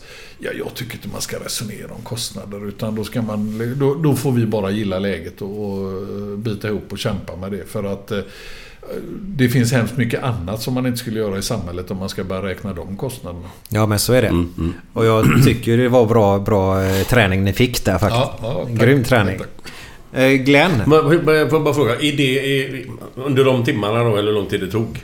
Vad, vad var ditt jobb där? liksom, Nej, men det, det, var, det var som så att jag tog rätt mycket av Var den du där ute då eller? mediala kontakten innan. Därför att min biträdande chef, Emelie Kullmyr, hon skötte det operativa. Så hon ledde insatsen och hon var här uppe eh, via sin operationsledare då. Och, och skötte insatsen och allt det operativa. Och jag och polismästaren i Borås, Lena Matthijs, vi var ute på stan ihop med några kollegor. Bland annat Anders som är chef här i city. Civilklädda och tittade på hur det funkade. Och vi var beredda på att gå hit och hjälpa Emelie med vissa bedömningar om det behövde göras. Mm om man skulle upplösa och så vidare. Så skulle vi vara några stycken som gav henne råd då.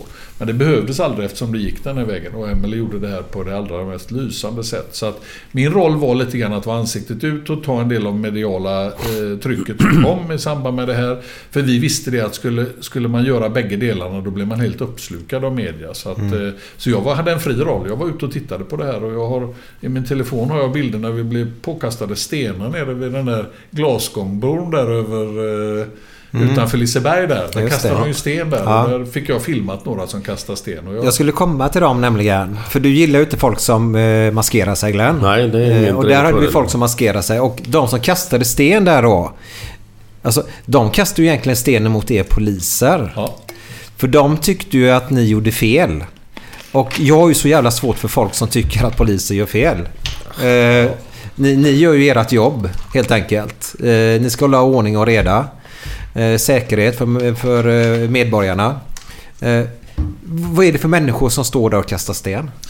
Ja, det var inte politiska aktivister utan det var nog mer åt bråkmakarhållet. Mm. Det var bråkmakare utifrån förorter som dök upp där inne. En del människor trivs när det blir sånt. Det blir liksom lite Lattjo stämning över det hela och då, då rycks de med i den här stämningen och så börjar de bete sig på det där viset som vi pratade om innan, de här Mm. kollektiva stolligheterna. Men de hade ju folket emot sig. Ja, men du såg väl det? Det var ju en kvinna Ja, där ja, hon är var underbar. Hon- hon borde få en medalj. Civil, ja, det var civilkurage på henne där Mm. tycker jag. Eh, Men, men eh, i de här situationerna så finns det... Det finns politiska aktivister på vänsterkanten som inte alls är främmande för att tillgripa våld heller. Några av dem var säkert med i det här. Men det var inte organiserat från det hållet utan det här var mer av bråkstakarkaraktär. Flera av dem blev ju dömda också för de där brotten Mm. eh, eftersom vi grep rätt många av dem. Ja, det är sorgligt att se. Men när- det är en sån demonstration då och samma som du sa med, med fotbollshuliganer och sånt. De tar hit en jävla massa folk. Hur många får det plats här liksom? Hur många kan inte ha in här? På, eh, Ja, här nere i alltså, häkte Ja, eller vad kallas det? Eller bara... Vi gjorde ju som så här i år då att vi testade, för jag visste ju om att om vi får stora demonstrationer i samband med EU-toppmötet så sa jag till mina chefer där nere att jag vill att vi skaffar en tillfällig lösning så vi kan förvara åtminstone 200, minst 200 omhändertagna i huset. Och vi har ju arrester och annat här, men de kommer ju vara proppfulla och det blir gripna och allting. Så vi rymde ju ut vårt garage här och så byggde vi tillfälliga arrester där nere. Eh, och det gjorde vi med hjälp av eh, ja, burar som vi ställde upp där nere. De har vi kvar stående, men de är ihoppackade nu de här burarna. Funkar jättebra. Eh, och då använde vi dem även under NMR-demonstrationen. För på, på EU hade vi inga omhändertagna. Men vi hade 30-40-tal tror jag omhändertagna under NMR och då testade vi det här systemet. Då. Och det funkade alldeles utmärkt. Så att då kan vi omhänderta rätt stora mängder människor. Men det är alltid som så att, eh, att det är ett bekymmer om vi får för många. För det låser sådana resurser att bevaka och så vidare då. Men är det någon som är övertänd och helt stollig och liksom så kan ju de behöva sitta här de timmarna som det pågår för att inte de ska vara tillbaka dit och ställa till med mer bekymmer. Och det, det kallar vi eh, omhändertagande enligt polislagens 13 paragraf. Men en sån idiot som kastar sten som du säger mot polis. Vad får han i slutändan? Om Mm. Ja, han men- blir tagen, insatt här och sen ska han dömas för Ja, någonting. Vad han- fan händer till slut? Han döms ju då. Sen beror det på lite grann. Första gången man döms så ska ju straffvärdet vara upp mot ett år för att det ska bli ett fängelsestraff. Eh, Men, men om man har flera domar på sig så kan man ju... Liksom, några av dem fick ju några månaders fängelse för att de har... Och då ska man ju sitta av dem. Ett par månaders fängelse. Glenn, Alltså, jag, jag bara, blir- Glenn kokar just nu. Stå och kasta sten på polisen Ja, och får ju tre månaders fängelse. Ja, det är, så är det. Så är det. Piss i Mississippi för fan. Ja, det är underbart Glenn. Ja. Jag älskar det när du håller på så här.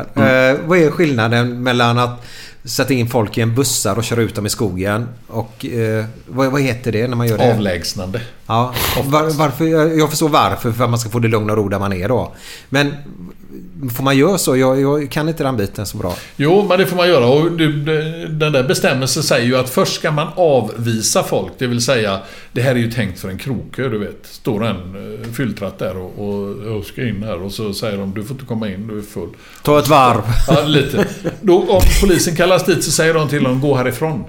Nu får du gå härifrån. Och går han då så har man liksom, man har makt att säga du får gå härifrån. Gör han inte det så kan vi ta honom i bilen och så kan vi köra honom då. Och då är det ofta som så att vart skall han då? Har han hemma på hissingen och, och, och vi är på Avenyn så får man ju köra åt hissingen till några, några hundra meter eller kanske till och med upp mot en kilometer då. Och så släpper man av dem. Då går de ju inte tillbaka till den krogen, inte om det regnar och blåser som det brukar göra på helgerna här då. Utan Som det gör just hem nu. istället. Va? Ja. Som det gör just men, nu. Men om, de, eh, om det då man märker att så fort han kommer ut så ska han tillbaka dit och, och prata med dem igen den där dörren. Då kan man omhänderta dem och köra Mm. in dem till, eh, hit. Och då, är de fulla så brukar de oftast få sitta här sex timmar för eh, det vi kallar LOB då, lagen om omhändertagande av berusade. Men är de inte berusade utan bara är uppjagade och aggressiva som till exempel vid en demonstration då.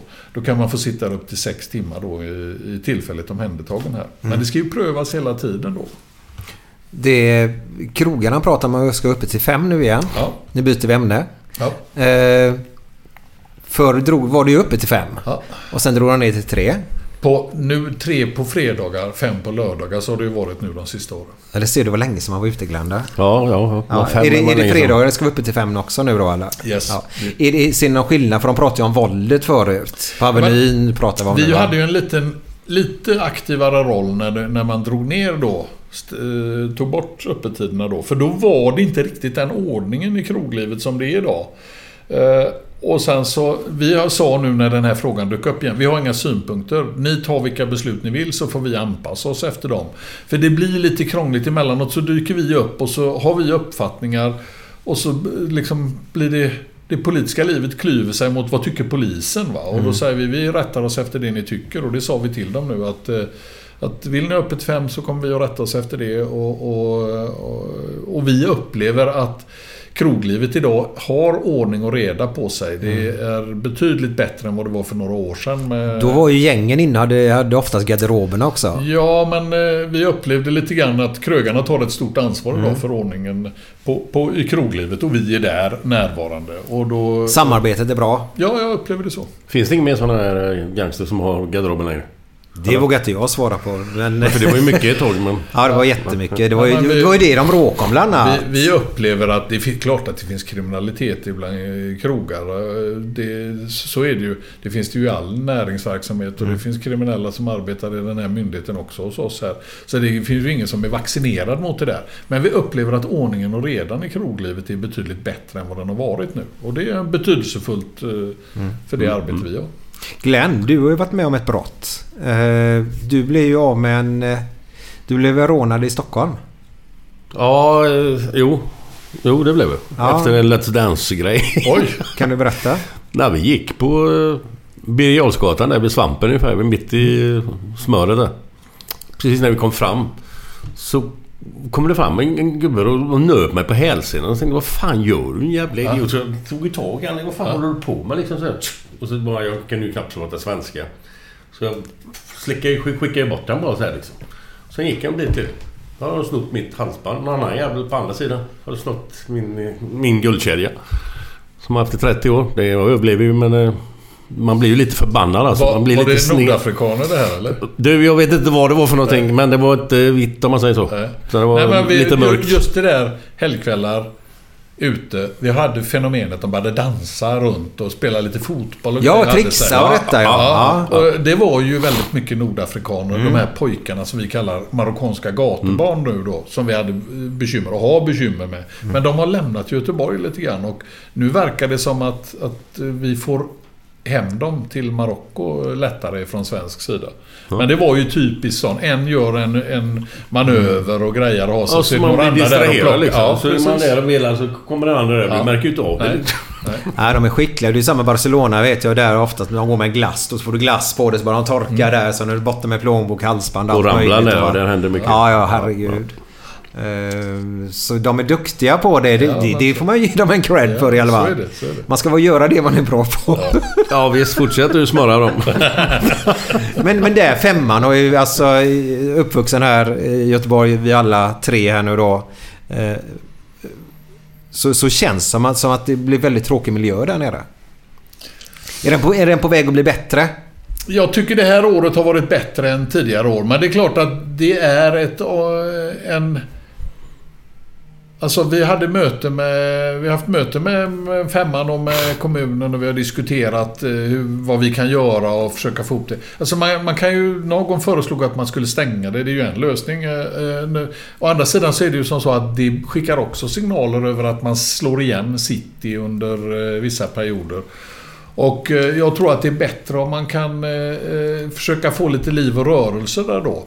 Eh, och det, det finns ju ett pågående arbete i det där nu att försöka få mer befolkningen att röra sig i området så att det inte blir helt öde och att de... Eh, eh, att de... Att, sådana som ställer till det kan ta över där under vissa tider. Då, va? Och det har ju varit tendenser då när vi hade mycket ensamkommande flyktingpojkar som var här så hade vi marockaner och, och, och, och killar från Afghanistan och så vidare. De sökte, sökte sig dit för det var en, eh, ett forum där de kunde umgås. Och så blev det lite otryggt och lite Mm. rusningar och lite bråk där nere. Och vi hade något stabilt bråk igår kväll där nere eh, mellan ungdomar. Som, så att visst, visst finns det där men, men vi jobbar med det och det sker ett ganska intensivt arbete både från Göteborgs stad och från de som har eh, fastigheten där nere. Men jag, jag tänkte på det när du snackade om det. Att, att, jag läste en artikel där att det var många som stänger här runt nio eller sådär på kvällarna och framförallt på helgerna då. Mm.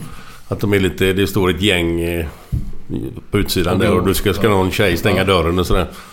Men finns det något samarbete mellan typ vaktbolag och polisen? Därför jag förstår ju att polisen kan ju inte ha gubbar gående där hela tiden. Nej, men det fattar jag ju. där är ju det, de- de är väktare då som Ja. ska, som ska Ja. gå ut och möta dem. Och det är ju de ganska duktiga på de här eh, företagen. Och det ser ni ju att det rör sig mycket väktare runt om i butiker. Och när man är inne i en butik så kommer det in en väktare och hälsar och visar på att de finns där. Det har att göra med den där grundläggande tryggheten. Mm. Det önskar man ju att det inte hade eh, behövts. Men behövs det så är det ju bättre.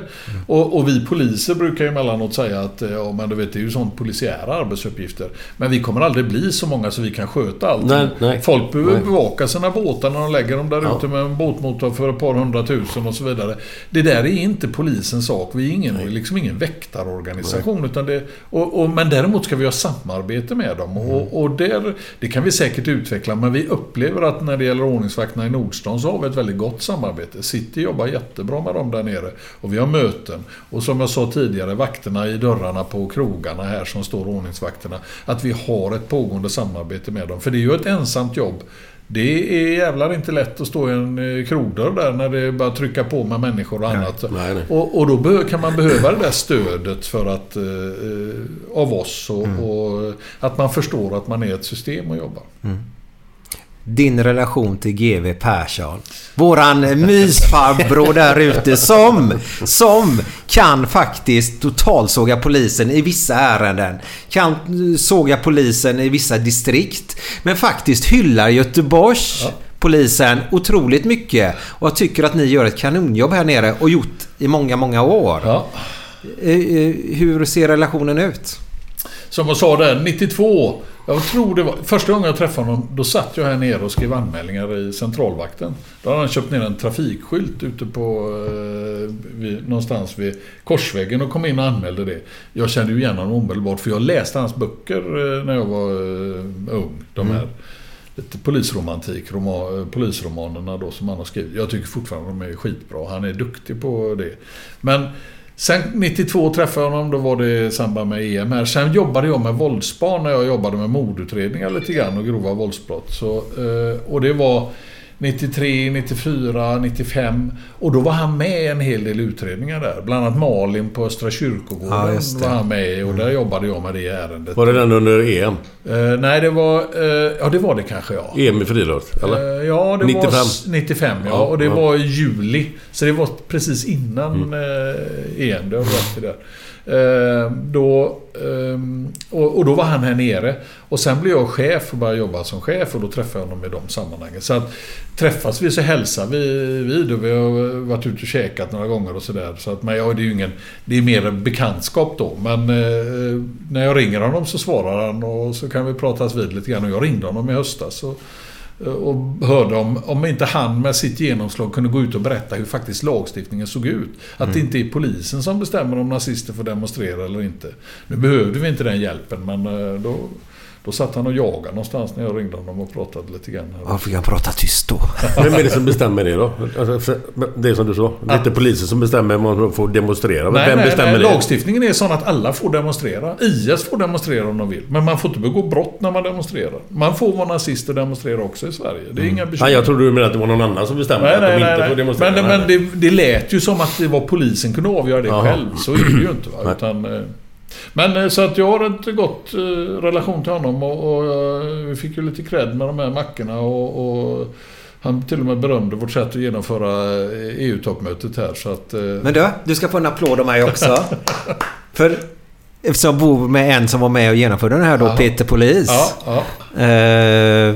Så, så kan jag säga det var en fröjd att köra i stan den dagen. Jag har aldrig varit så lite bilar i hela Göteborg. Så alla göteborgare ska ha cred bland annat som stannade hemma och detta.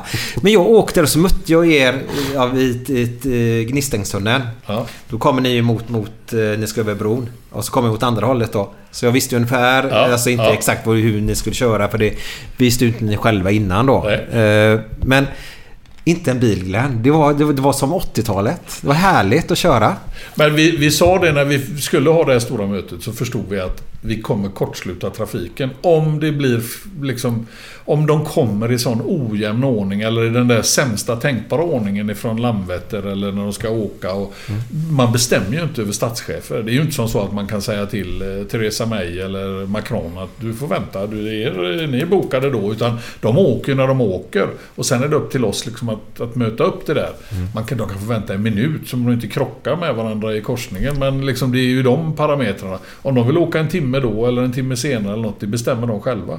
Och det gör ju det att vi visste ju inte riktigt hur det skulle se ut. Och vi kan ju inte heller gå ut och berätta att det här tror vi de här tiderna. För då är det ju varenda terrorist i hela världen skulle ju vara enkelt att, att ta sig hit och, och om man vill göra ett angrepp mot dem. Och det innebar ju att vi var tvungna att gå ut så tydligt som möjligt och berätta för göteborgarna. Kör inte bil, ni kommer bli sittande i bilkö. Risken är jättehög. Och det lyssnade man ju på. Sen blev det inte så allvarligt, men det berodde ju förmodligen på att inte så många var ute i trafiken. Så att, Mm. eh, ja, vad som var hönan och ägget är lite svårt att svara på. Det var nog både och. Ja, Men du, kommer det sånt, jag fattar jag att det inte går att man inte får säga det. Men, men, men alltså, händer det att man får, att ni får liksom terroristhot hit till stan? Ja, men det händer. Det händer att vi får in uppgifter. Ofta är det ju inte som så att nu, ska de spränga. Utan det är ofta som så att vi får in uppgifter som är oprecisa, som inte vare sig går att bekräfta eller slå bort. Över att det skulle kunna vara någonting på gång. Och Eh, det där måste man lära sig att hantera och leva med, den där osäkerheten. Var kommer det ifrån liksom då? Eller Ja, vart men ofta kommer det ifrån? från Säkerhetspolisen när det gäller Ja, terror. ja. Men det kan komma när det gäller på... Nu är det inte så mycket rån längre, men för några år sedan då, tio år sedan, så hade vi väldigt mycket värdetransportrån och sånt där som dök upp då. Och då var det ju ligor som åkte runt och emellanåt hade man svårt för att veta, är de här för att göra rånet? Eller är de här för att reka för rånet? Men då får man ju bestämma sig för hur man ska agera i de här. För det är klart att ska man sätta fast dem för de här förberedelserna de gör, då får man ju ligga kvar längre i ett visst stadie så man får säkrat bevisningen. Men man kan ju inte låta det gå så långt så att de genomför rånet, kanske skjuter någon och så, så åker vi efter och säkrar bevisning. Och det här är ju det, det, det dilemmat som vi har inom polisen. Men vi väljer ju ofta att avbryta även om det innebär att vi sabbar bevisläget då. Då går vi in och avbryter. Vi har ställt poliser utanför bankerna. Vi tror att nu kan de, liksom, kanske de skulle ta den. Tar de inte någon annan då? Nej, det är inte med säkerhet så. Vi kan i vart fall inte låta dem göra ett brott för att vi ska gripa dem efteråt. För då utsätter vi ju människor för en livsfara då. Mm. Men den här säkerhetsnivån som sägs om, vad heter det? Mm. Som alla har i städer och grejer. Hur, hur ligger den här? Liksom? Ja, men vi- vi ligger ju på en trea i Sverige generellt sett. Och, och man kan väl säga som så här att det är ju inte alltid vi har liksom risker för... eh, eh, vi har ju inte alltid fullständig kontroll på de konkreta riskerna. Vi förstår ju att judiska församlingen är ett mål från flera olika håll. Eh, där de får företräda Israel i vissa sammanhang då.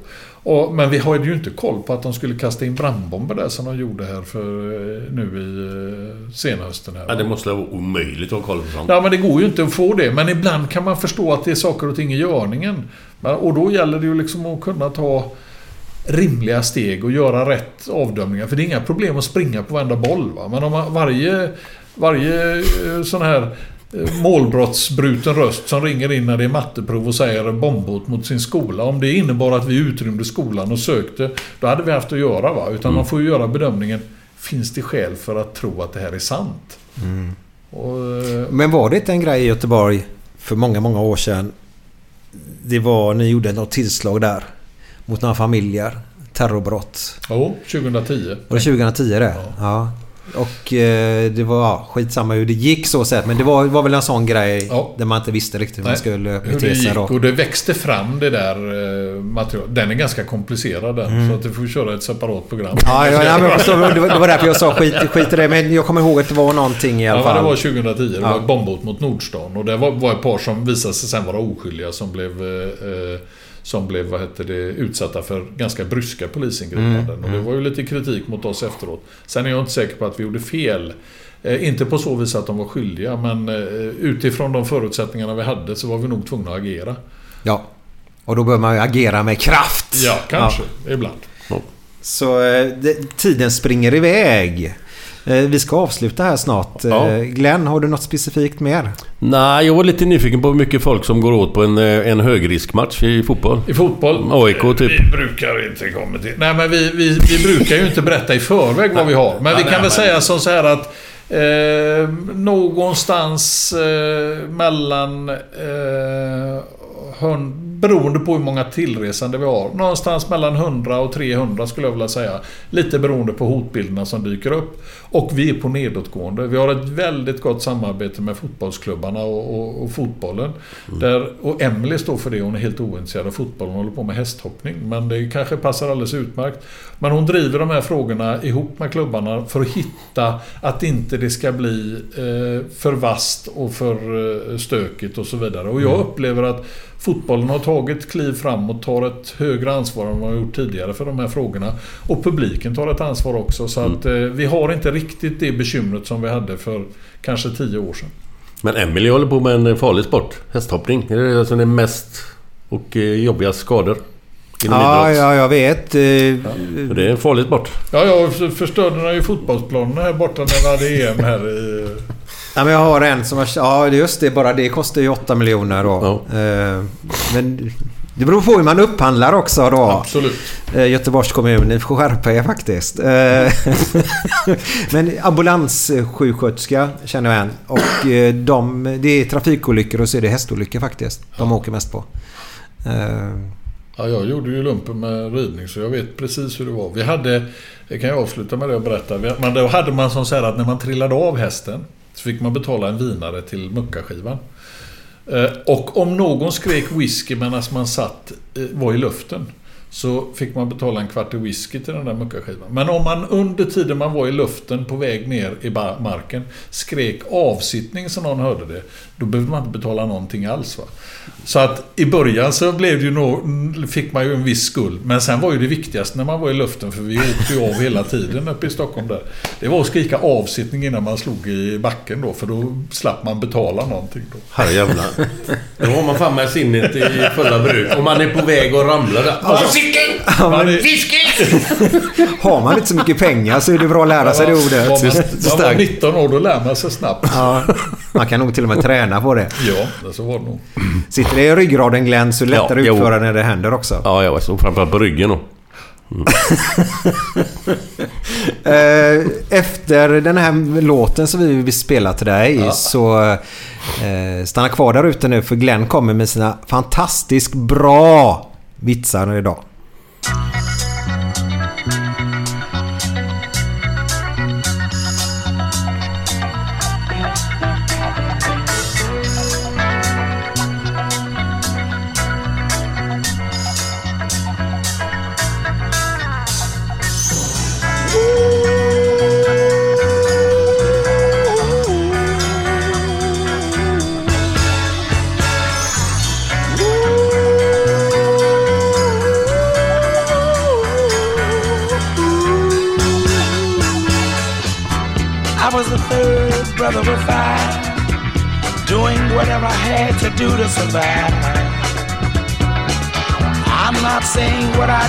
Was alright. Trying to break out of the ghetto was a day to day fight. Being down so long, getting up didn't cross my mind. But I knew there was a better way of life, and I was just trying to find. You don't know what you do till you put under pressure. Cross 110th Street is a hell of a tester. Across 110th Street, pimps trying to catch a woman. Across 110th Street, pushers won't let the junkie go free. Across 110th Street, woman trying to catch a trick on the street. Ooh, baby. Across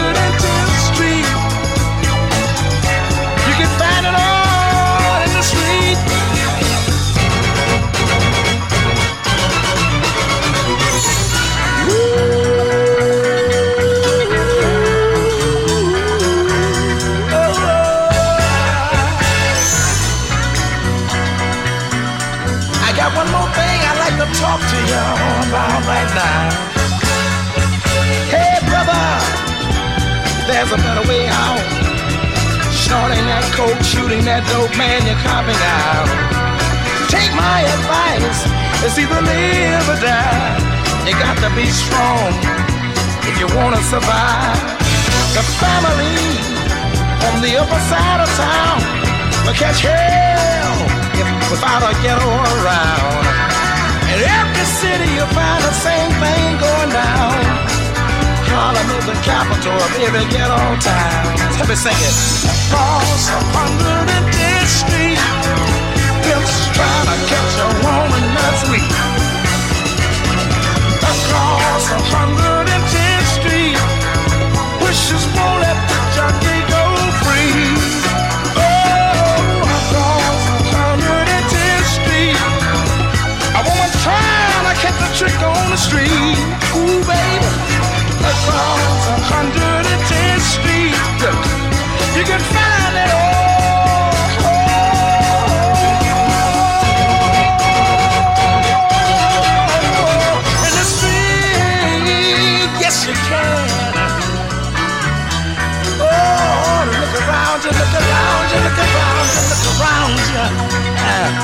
Yeah.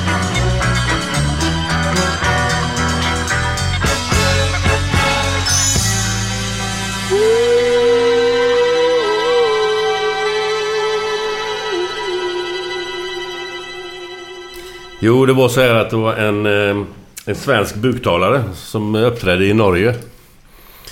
På en scen. Och så eh, höll han på att skoja med norrmän lite. Körde lite norska historier med den lilla dockan han hade i knät där. Och så till slut så brister det för en norrman som sitter i publiken liksom. Nej, nu får du fan mig ge dig! Nu orkar jag inte höra det här Norge-skämtet längre. Ja, förlåt, säger buktalaren. Det var inte meningen att du skulle bli arg och sårad. Nej, det är inte dig jag menar! Det är han den lilla fan i knät! Bra, tack, tack, tack. Hej då, hej då. Hej, hej. Tack. Det var ju bra. Step onto the legendary clay courts of Roland Garros, where the world's best players battle it out at the French Open for a chance to win a Grand Slam title. Tennis Channel Plus is your place to watch. Stream every court from your phone or smart TV live in HD. See the action unfold as legends fight for glory and new rivalries emerge. Daily live coverage begins Monday, May 20th, with match replays on demand so you never miss a moment. From the first serve to the final point, Roland Garros promises unforgettable moments and new chapters in tennis history. Stream now with Tennis Channel Plus to be there when it happens. Hold up. What was that? Boring. No flavor. That was as bad as those leftovers you ate all week. Kiki Palmer here, and it's time to say hello to something fresh and guilt-free. Hello Fresh. Jazz up dinner with pecan-crusted chicken or garlic butter shrimp scampi. Now that's music to my mouth. Hello Fresh. Let's get this dinner party started. Discover all the delicious possibilities at hellofresh.com. When it comes to your finances, you think you've done it all. You've saved, you've researched, and you've invested all that you can. Now it's time to take those investments to the next level by using the brand behind every great investor, Yahoo Finance. As America's number one finance destination, Yahoo Finance has everything you need, whether you're a seasoned trader or just dipping your toes into the market. Join the millions of investors who trust Yahoo Finance to guide them on their financial journey. For comprehensive financial news and analysis, visit yahoofinance.com, the number one financial destination, yahoofinance.com.